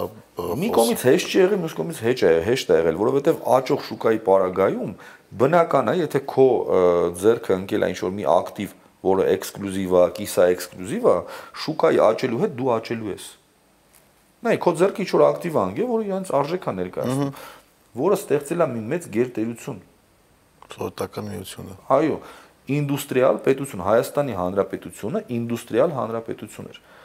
էր լավն է էր իհարկե որ նա եթե պատմություն նայես ամերիկան ինչ է անում ամերիկան դեինդուստրիալիզացիա է անում բոլորին նույնիսկ հարավային աֆրիկայի հանրապետությունը որ ինդուստրիալ երկիր էր իրանք քանդեցին այնտեղ ապարտեիդի վերացում չէր գնում հա հեքիաթները մենք մեծ ենք, ա որ հեքիաթներին հավատանք այլևս։ Նայ մեծ դեինդուստրիալ, նայ ամբողջ սովետական միությունը եւ սոցիալիստական բլոկը կապիտալիստական աշխարհը դեինդուստրիալիզացրեց, որովհետեւ նրանք չստեղծեն հավելյալ արժեք, այլ միայն սպառեն։ Սպարման, սա սպարման շուկա է։ Հա։ Այսինքն սպառում ապրանքները պիտի արտադրեն ապրանքի տերերը, պիտի սպառեն մնացած բոլորը։ Դե բանը շուկայական կռիվ։ Լինելով Բուլղարիայում դու պիտի չստեղծես ապրանք, դու պիտի սպառես այդ ապրանքը։ Լինելով Ուկրաինայում դու պիտի ապրանք չստեղծես, դու պիտի լինես սպառման շուկա։ Իր մեծերը տնտեսական ակուլաները պիտի տիրապետեն քո ռեսուրսներին։ Ահա։ Ռեսուրսները պիտի ծառայեն փողի աղբյուր, բայց չստեղծելով հավելյալ արժեք միայն ինդուստրիալ պետություններն են ստեղծում հավելյալ արժեք, որովհետև տնտեսագիտություն սովորած ցանկացած ոք գիտի, որ հավելյալ արժեքը ստեղծվում է արտադրության մեջ։ Սպառման բնագավառում չկա։ Դե սպառումը սպառումը, սպառումը ոնց դու ստեղծես հավելյալ բնագավառում չկա հավելյալ արժեք։ Հավելյալ արժեք ստեղծվում է արտադրությունում։ Դու ոչ միայն ֆիզիկական, այլ նաև թվային արտադրություն։ Հա, հավելյալ արժեք։ IT-ն է, մենք նշենք, որ ինքն էլ է ինդուստրիա։ Ով այդ IT ոլորտը։ IT-ն էլ է ինդուստրիա։ Այստեղ մի քանի թեորիա կա, հա, որտեղ է ստեղծում սպառման ոլորտի հավելյալ արժեք, ինչ թեորիաներ կան, որ դրանք չխորանան դրա մեջ, կան, որ ասում են ստեղծում է ինչ որ արժեք, չեմ կարող ասեմ ես պրակտիկ ուրիշի տնտեսագետ չեմ, դրա տնտեսագետները կարող ավելի գնահատեն։ Բայց այն որ գնաց դեինդուստրիալիզացիա դա ակնհայտ է, հա։ Մենք տեսնում ենք։ Դե հա Հայաստանը իրականում այդ այդ խնդիրը շատ լավ է երևում, հա։ Այս բիզնեսմենները նաև աճող մեր տնտեսությունը միայն աճել է Բայց ինչ ուզում ասես, մենակ սպառմա։ Դե մենք ուր էինք 90-ականներին եւ ուր ենք այսօր։ Դե, դե տարբերությունը շատ մեծ է։ Այսինքն տնտեսությունը աճել է։ հա։ Չի կարելի, չէ՞, ասել, որ ոչ մի բան չի եղել, մենակ թալանել են, մենակ գողացել։ Դե թալանողը թալանել է, գողացողը գողացել է, սարքողը սարքել է։ Հա, եւ սպիտակ, սև ու սպիտակ չի պատկերը։ Եվ երբ որ տնտեսությունը աճել է, տնտեսության հետ աճել են նաև ինչ որ մի ինդուստրիաներ, գործարաններ, բիզնեսներ, որոնք ինստինկտյան աճել են։ Եվ այ այդ աճի դե կապիտալիզմի սիրուն սիրուն մասը հենց այդ է որ մարդիկ կան ինքնուրույն ստեղծեն։ Հա, վերադառնալով այդ բիզնեսմեններին, եթե իրանք չստեղծեն ղեկավար թիմեր, եւ այդ ղեկավար թիմը պարտադիր չի հա իր ընտանիքից լինի, իր ցանկությունն է իր ընտանիքը շարունակի թե չէ։ Բայց եթե իրենք չստեղծեն ղեկավար թիմեր, ես աշխատել եմ Պեռնո Ռիկարում 13 տարի։ Ռիկար ընտանիքը շատ շատ մեծ ցանկություն ուներ իր ձեռքերում պահել գլոբալ դարձած ընկերությունը։ Ու այդ գլոբալ վաճառվող կամպանիա դու կարաս գնաս ակցիաներ առնես, տրեյդինգ կամպանիա։ Հա? բայց միևնույնն է մենեջմենտը ընտանիքը անկախ նրանից թե ինչ տոկոս էր տիրապետում այդ ընկերության այսօրվա դրությամբ ինքը աշխատում էր ընտանիքի ձեռքում պահել ղեկավարումը եւ ես ասեմ որ հիմնադիրի տղայից հետո շատ ավելի վատ է ընտանեկան այդ պահելու պահելը ստացվում, քան կարելի էր ենթադրել։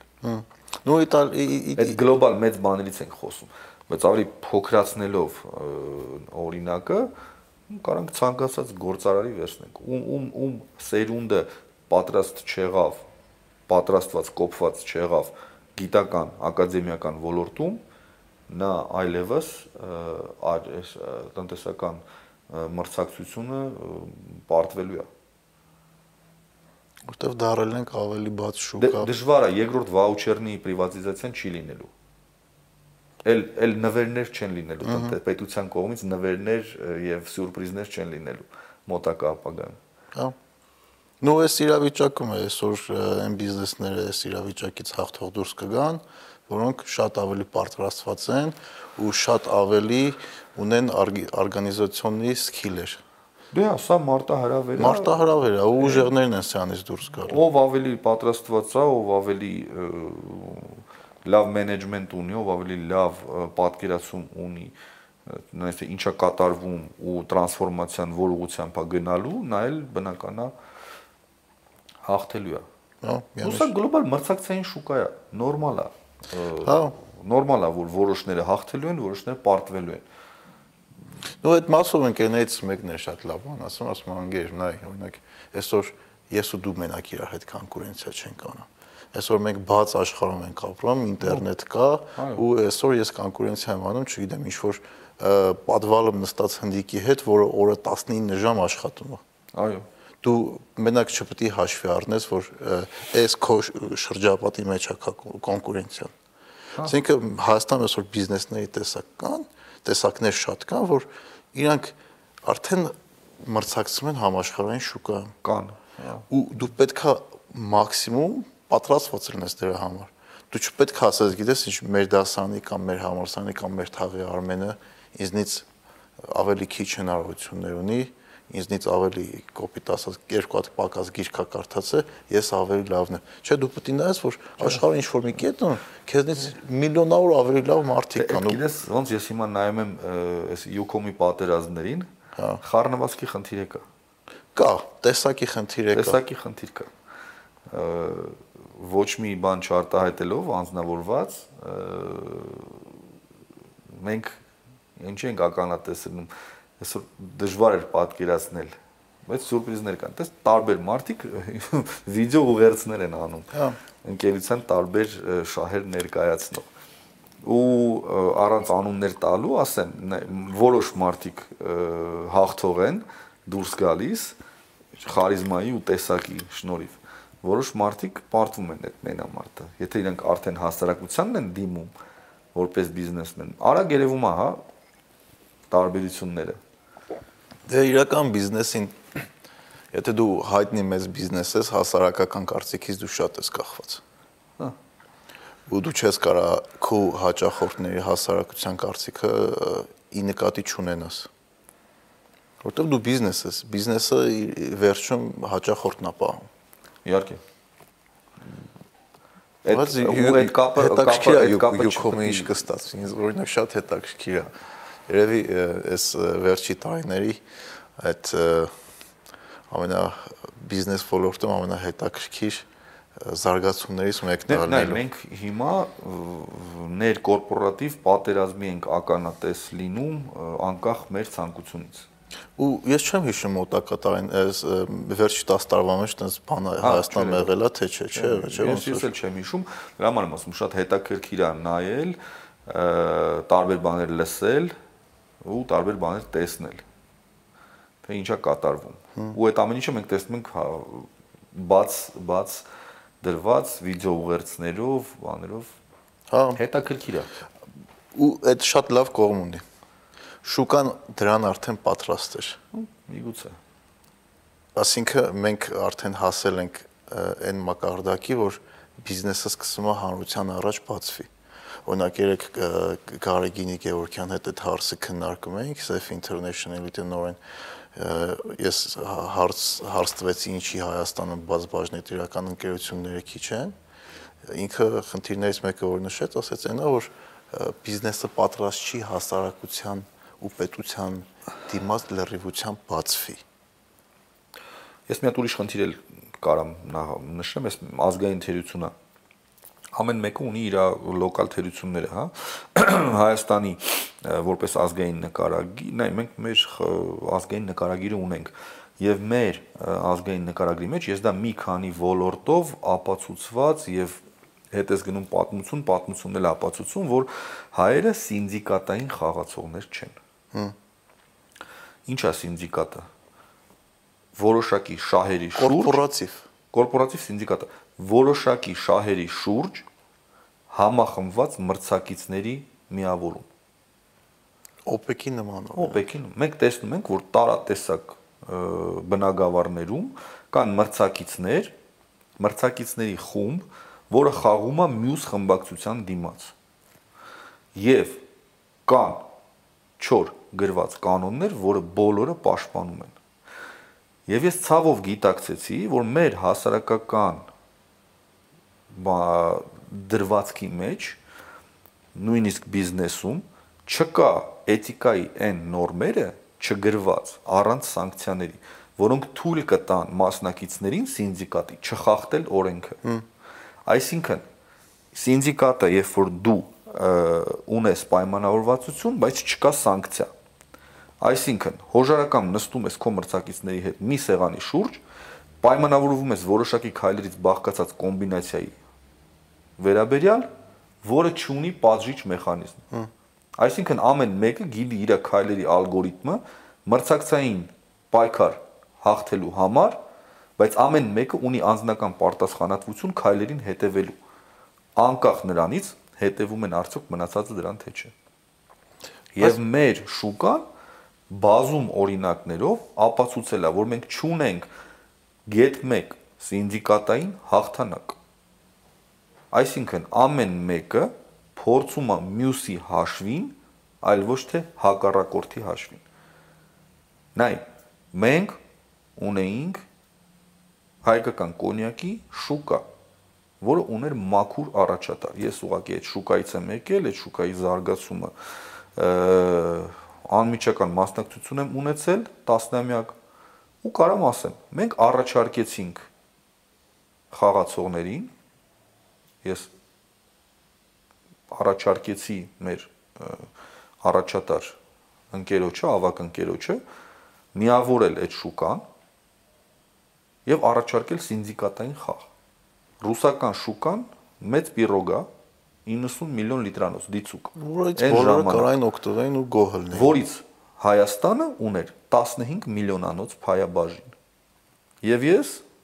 առաջարկեցի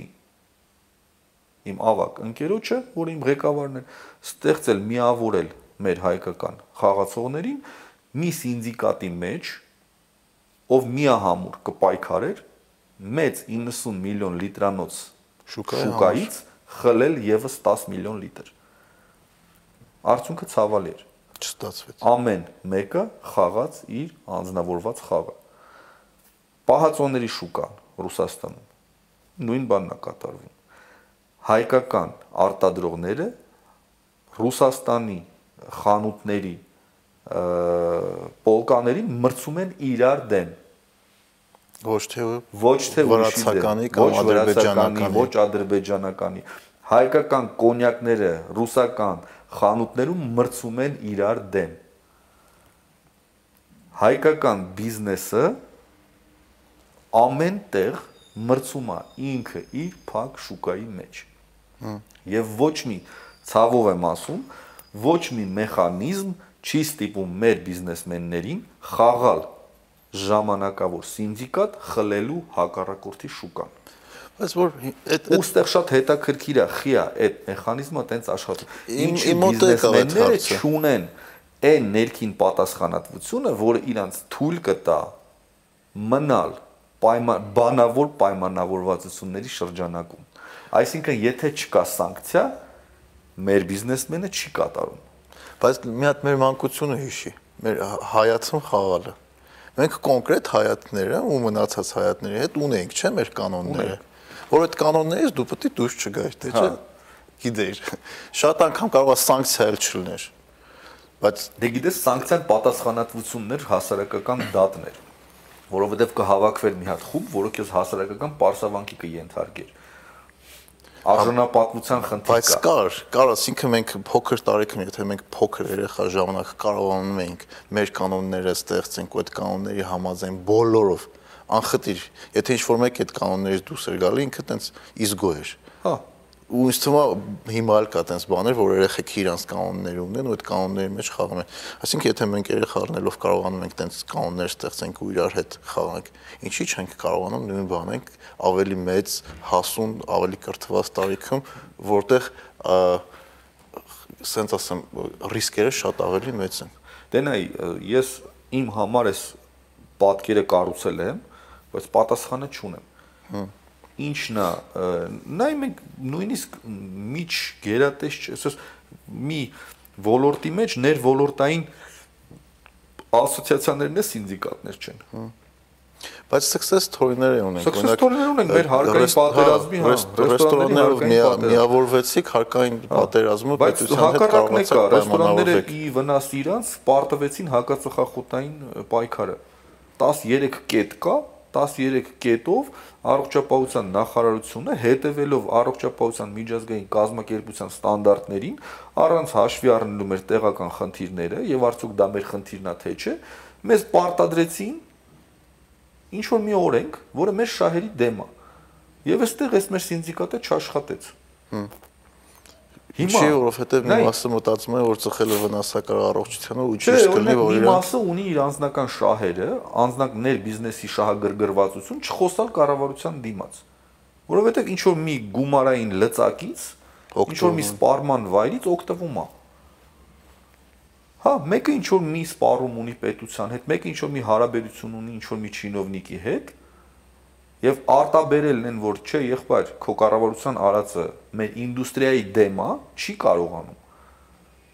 Այսինքն ընդհանուր ռեստորանները օքեյ են, որ ընդհանուր ռեստորանները օքեյ չէ։ Ծխելը վնասակար է առողջությանը։ Ծխելը վնասակար է, դա միանշանակ։ Բայց ինչ-որ կետեր կա, որ Իհարկե, կետեր կա, նայ, օրինակ абսուրդի դաշտից ասեմ, ռեստորանին չի կարելի վաճառել սիգարետ։ Ինչի՞ ուղիղ հետևանքները։ Ես խոսում եմ շատ երկու քայլ պիտի անես, հա, մտքում Եղբայր, սիգարետի վաճառքը ինձ կյանքում եկամտի աղբյուր չի։ Բայց վտանգը ստեղ որտեղ է։ Դու Դիլիջանում նստած ես ինչ որ գետապ ռեստորանում, որը մոտակա խանութից գիտես ինչքան է հեռու։ Ու կիլոմետրով է հաշվում այդ հեռվությունը։ Ծիրանի ռեստորանը մոտակա խանութից ինչքան է հեռու։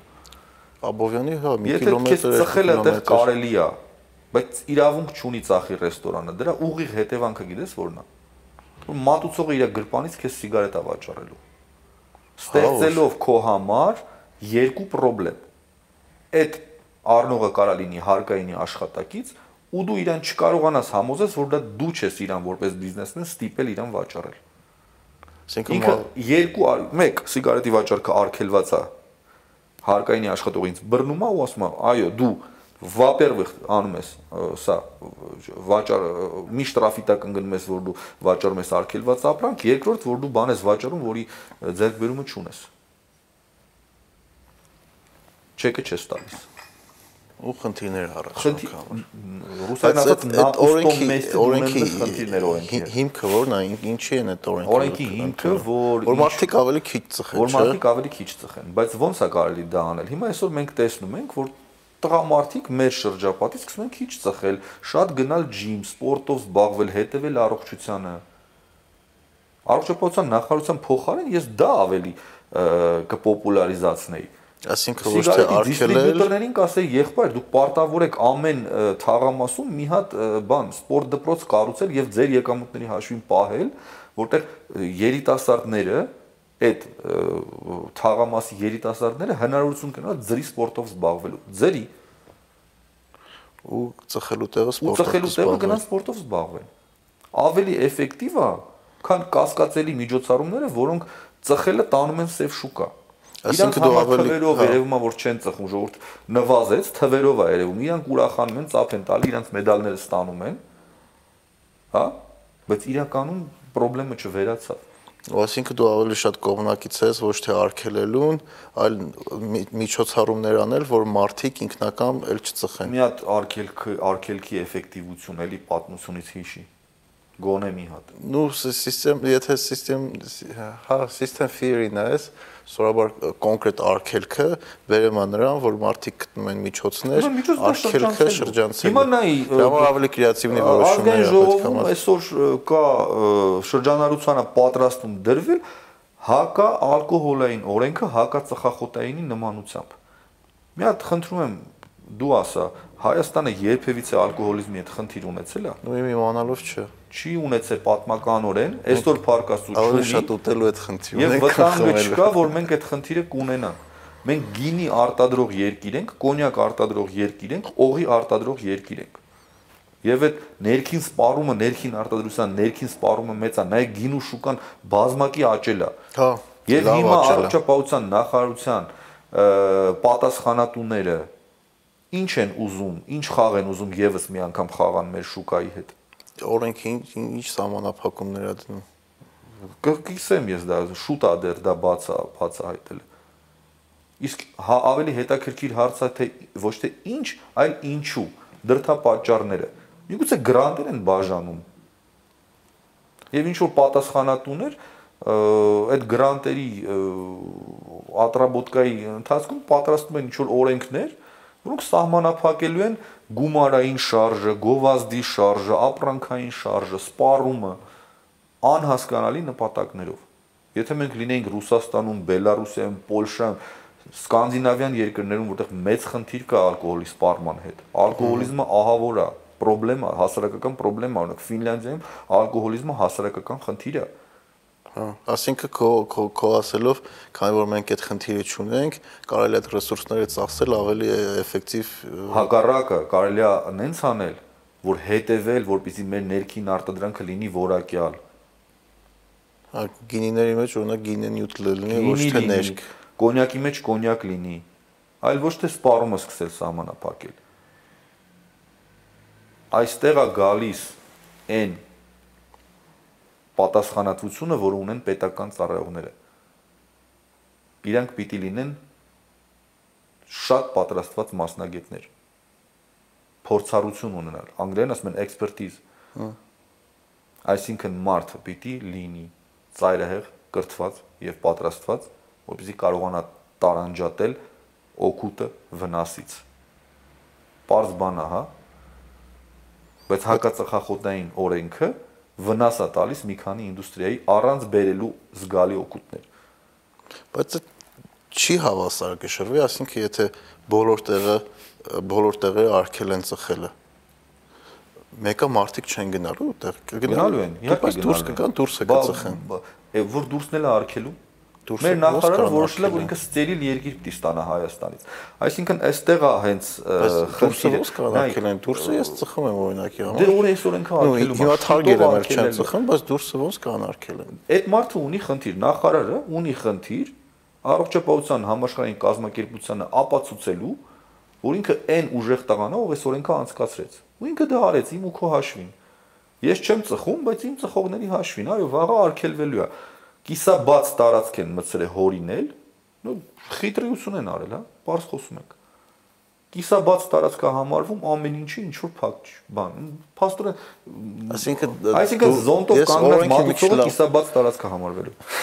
Դե լուրջ եմ ասում։ մի քիչ լավ ծանոթ չեմ, բայց եթե Ես լավ շատ լավ ծանոթ եմ։ Ես իրավական գնահատական եմ պատվիրում։ Ռեստորանա կամ կաֆեա դուրսը բաց, այդտեղը չես կարող ծխել։ Դե նայ դու ամեն դեպքում ինչ որ մի պատի կպած ես, ինչ որ մի նավես ունես, Հա։ Հա, դե դա կիսաբաց արդեն համարվեց համարվում է կիսաբաց հա, ու այդտեղ ծխել է տրատուարի վրա սեղան դնես, նստես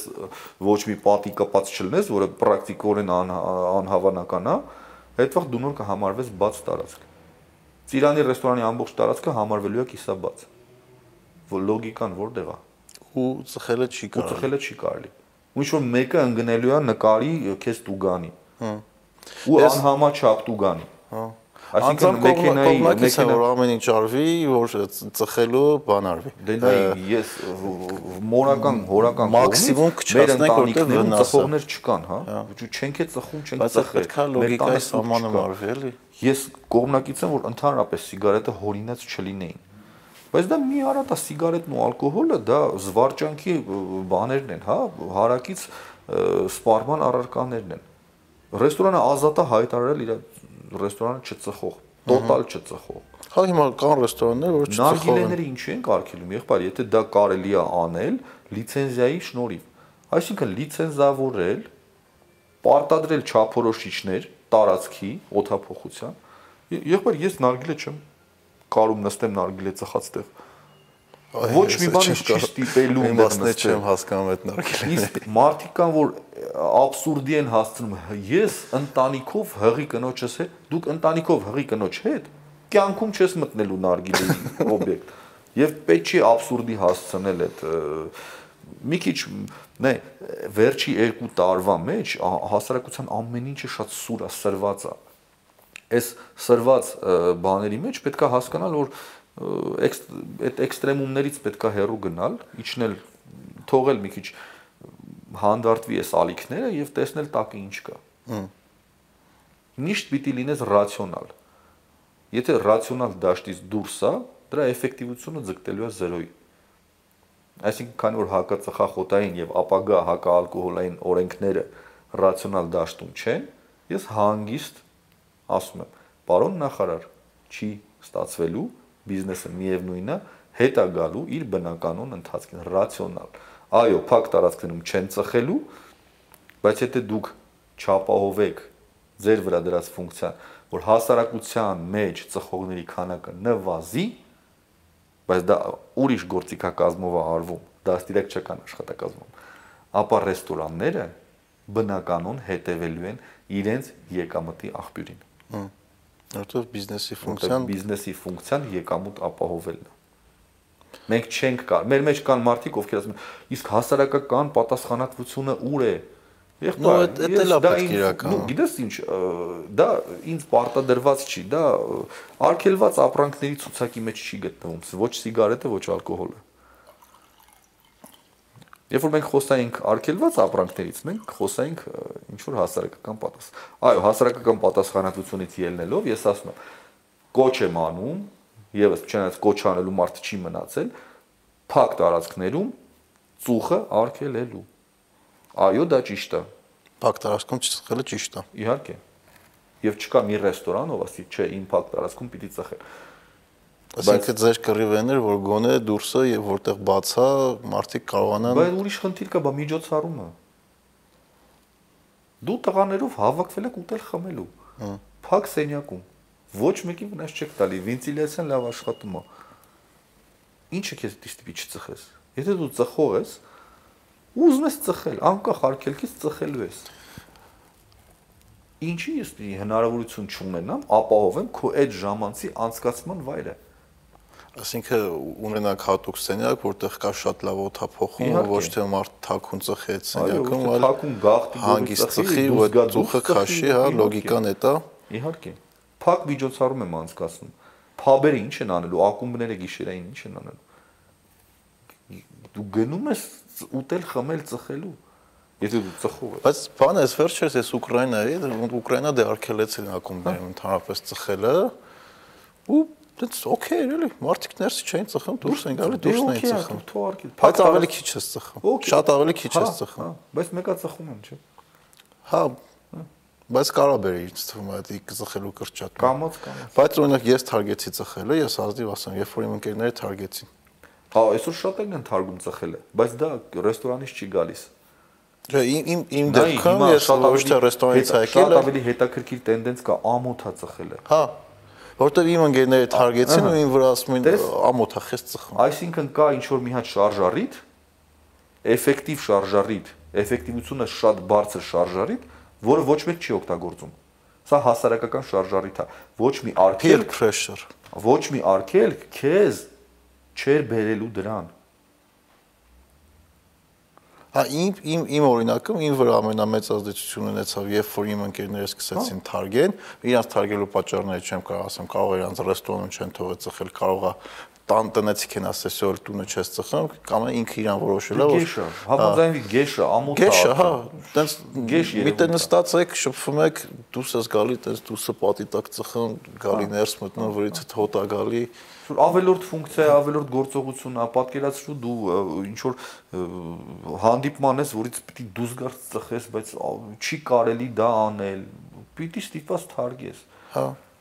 Բայց հաճույքները ոչ մեկ չի բանանում, չի արգելում քեզ։ Ես չեմ ծխում, բայց ես սիրում եմ սիգար վայելել ժամանակ առ ժամանակ որտեղ ես դա վայելեմ։ Դե սիգար կլուբերն ինձ թվում է պետք է լինի, որը սա աշխարհում կա։ Դե հասկացար,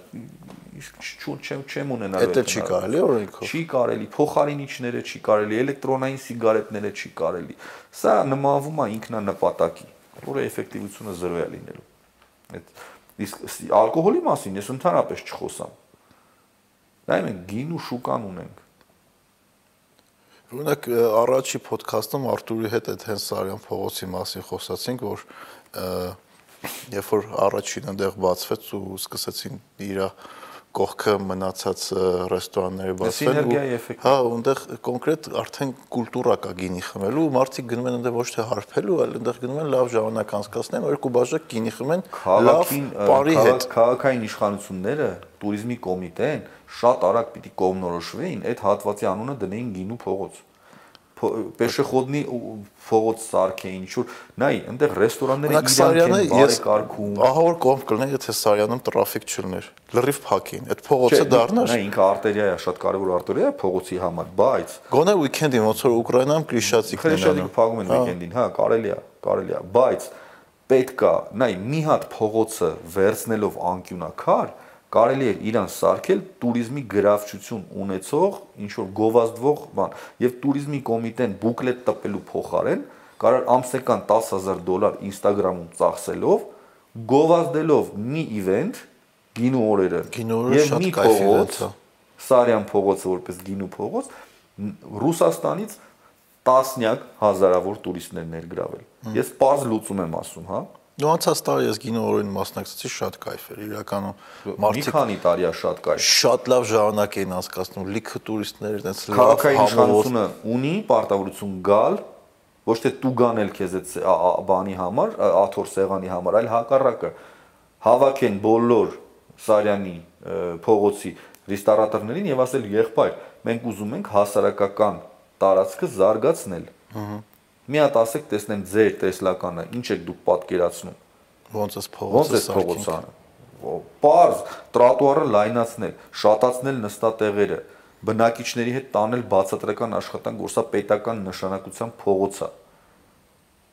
Եվ չի կարելի անդադար զանգել եւ բողոքել, որ ես չեմ կարող զովքից առևտուր արած հասնել իմ տուն։ Որտեվ ճանապարհներն եղեն հիմա։ Որտեվ ճանապարհներն եղեն։ Պետքա լայնացնել Նայ մի քանի խնդիրներ կան, որ արագ ես կցանկանայի քաղաքապետը, փոխքաղաքապետը գային, կանգնեին այնտեղ, մենք ունենք թաղապետ, որ այդ խնդիրներին շատ բաներ, ուշադիր էր։ Առաջվա թաղապետը։ Առաջվա թաղապետը քայլում էր, հարցնում էր։ Չէ, ոչ հասցրեց բանանի, ոչ էլ, բայց կար այդ կուլտուրան, քայլել, նստել, խոսալ, հասկանալ։ Նա իմ ընկերն է, ես ընկերական բանից չեմ ասում, ես մարդու խառնվածքից եմ խոսում։ Նա չինովնիկի այն խառնվածքն է, որը քաղաքը կարիք ունի որոնք բիզնեսի հետ կոնկրետ շփվում են, մարդկանց հետ շփվում են։ Շփման բան ունի, ունակություն ունի։ Իսկ դու համարում ես, որ հիմա պետություն բիզնես երկխոսությունը լավա տեղի ունեն, թե վատ։ Թե ընդհանրապես երկխոսություն չկա։ Երբեք լավ չի եղել։ Երբեք լավ չի եղել։ Հիմա էլ այն լավ մակարդակի չի, որ կարա լինի։ Իսկ ինչ քայլեր է պետք դրա համար անել։ Խառնվածքի խնդիր է նորից, շինովնիկների խառնվածքի պատրաստվածության խնդիր է որ բիզնեսը հասկանան, գնահատեն, հա։ Հա, երկխոսություն լինելով պետությունը ունի իմպերատիվ ֆունկցիա, թելադրողը։ Բայց այդ թելադրության մեջ սխալներ չանելու համար իրենք կարիք ունեն շփվելու։ Կան ֆորմատներ, տարբեր ղեկավարներ, մենք գիտենք, որ նախին ղեկավարը սիրում է իր մոտ հավաքել բիզնեսմեններին։ Ահա Էդ էլ է ձև, բայց խոշոր բիզնեսմեններին, հա, ոլորտային, նու կան արդեն ոլորտային։ Туриզմը իր օրինակ Սարյանի փողոցի ռեստորատորները անմիջական կապ ունեն туриզմի զարգացման հետ։ Սարյանի փողոցի ռեստորատորները անմիջական կապ ունեն գինու արտադրության հետ։ Նայ, այսինքն քաղաքի զարգացման հետ անմիջական կապ ունեն։ Այսինքն մի քանի ոլորտ ասեցի, որ այդ մի քանի ոլորտի չինովնիկները անպայման պիտի ինտեր լինեին։ հա։ Անպայման պիտի ձայն տային ասեին, Ինվինոյի տերերին, ասենք, եղբայր, կարաք ձեր ռեստորան, ձերն էր առաջինը, սիմվոլիկա, կարաք ձեր ռեստորան։ Մեծ սիրով այդ մարդիկ կհյուրընկալեին ցանկացած քանակի чиновниկներ, ցանկացած ժամանակ, որ քննարկեինք այդ փողոցի զարգացումը։ Ռեստորանները այդ փողոցը կանաչապատում են, ռեստորանները այդ փողոցի տրատուարը փոխում են քարերը թարմացնում են, ռեստորանները մաքրում են, լուսավորում են, Բիզնեսը այդ մասով, այդ լավ սոցիալական պատասխանատվությունը նաև իր համար ունի։ Հա, ամենաշնորհակ Սարյանը համեմատել է շփում էի քաղաքային իշխանությունների հետ եւ մենք քայլել ենք փոխքաղաքապետի հետ, քայլել ենք Երևանով եւ ես ցույց եմ տվել, ասել նայ, երբ սա տրորած կանաչ չաճող տարածքը պետական է, իսկ այս խնամված կանաչը բիզնեսին բիզնեսինն է։ Ու ոչ մեկ չի ստիպե իրան դա անի։ Տարբերությունը գիտես ի՞նչն է, որ բիզնեսը այդ եթե իր կողքը տենց սիրուն է մաքուր է, ինքը դրանից շահ ունի Իհարկե ինքը մոտիվացված է որ իր դեմի գազոնը կտրած լինի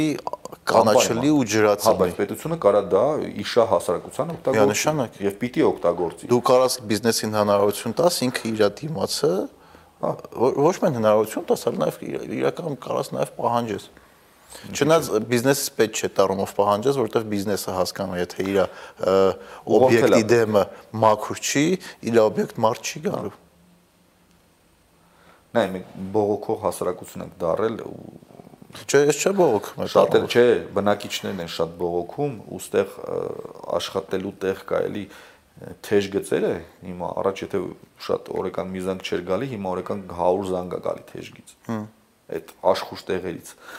ուստեղ էլի աշխատանք կա տանելու, որ ասելու իրոք եղբայր դու ապրում ես քաղաքի կենտրոնում։ Դա ունի իր թերությունները եթե դու գերադասում ես որ կողքդ շարժ չլինի, մենք որպես քաղաքային իշխանություն դա չենք կարող ապահովել Սարյան փողոցի վրա, Կասկադում կամ Արամի փողոցի վրա։ Որոշակի ժամից հետո, այո, մենք դա կարանք ապահովենք։ Հա, բայց մինչև 12-ը անհնար է։ Մենք անհնարին է։ Եվ քաղաքի զարգացման ուղությունը դա չի կարողանալու ապահովել մոտակա ապագա դառ նույնիսկ հերրահար ապագա բայց սա խոսացող արտաբերող չկա հա այն մնացած խնդիրները չեմ ասում մեր ոլորտային դե խնդիրները իրական շատ են բայց համաձայնների ամենակարևոր կետը խնդիրները լուծելու համար կապ չունի այդ պետական ոլորտը, բիզնեսը, անձնականը, պետքա կարողանաս դիսկուսիանես։ Պետքա կարողանաք իրար լսեք, պետքա կարողանաք ընդունել քրիտիկա, որովհետև այդ ամեն ինչը ես այսօր չեմ տեսնում Հայաստանում։ Էլի էլի մենք թենդենք, էլի խառնված։ Չենք կարողանում մենք իրար հետ զրուցենք։ Հա։ Մենք իրար պիտակներ ենք դնում։ Սևա, սպիտակա, հինա, նորա, կարմիրա, կանաչա, չգիտեմ, անընդհատ ինչ որ մարդիկ մենք իրար հա։ պիտակավորում ենք, մենք ասեմ որ դուրս չգա որ հա մենք ու մենք չենք կարողանում իրար հետ լավ դիսկուսիա տանենք։ Իսկ թվում է ու այս պրոյեկտի իմաստներից մեկներն է, որ մենք հիմա անում ենք, որ մենք տարբեր հետաքրքիր կայացած մարդկանց հետ նստում ենք տարբեր հարցերի շուրջ ազատ առանց կաշկանդման քննարկում ենք։ Ու ու այդ ընթացքում կարելի է ինչ-որ լուծումներ գտնել։ Մարդիկ է մեզ լսում են կամ իր անկերոջն են լսում, բիզնեսի ղեկավարին են լսում կամ բիզնեսի ղեկավարը իր աշխատակիցին է լսում։ Այդ լսելու, խոսալու ընթացքում ինչի՞ չէ կարա նաև կոնֆլիկտ եղնի ու դու պետք է նորմալ վերաբերես որ դա կոնֆլիկտ կարա լինի բայց մենակ դրանից կարա արդյունք ստանաս դու չես կարող արդյունք չունենալ արդյունք նա այստեղ սուր անկյունները շրջանցելու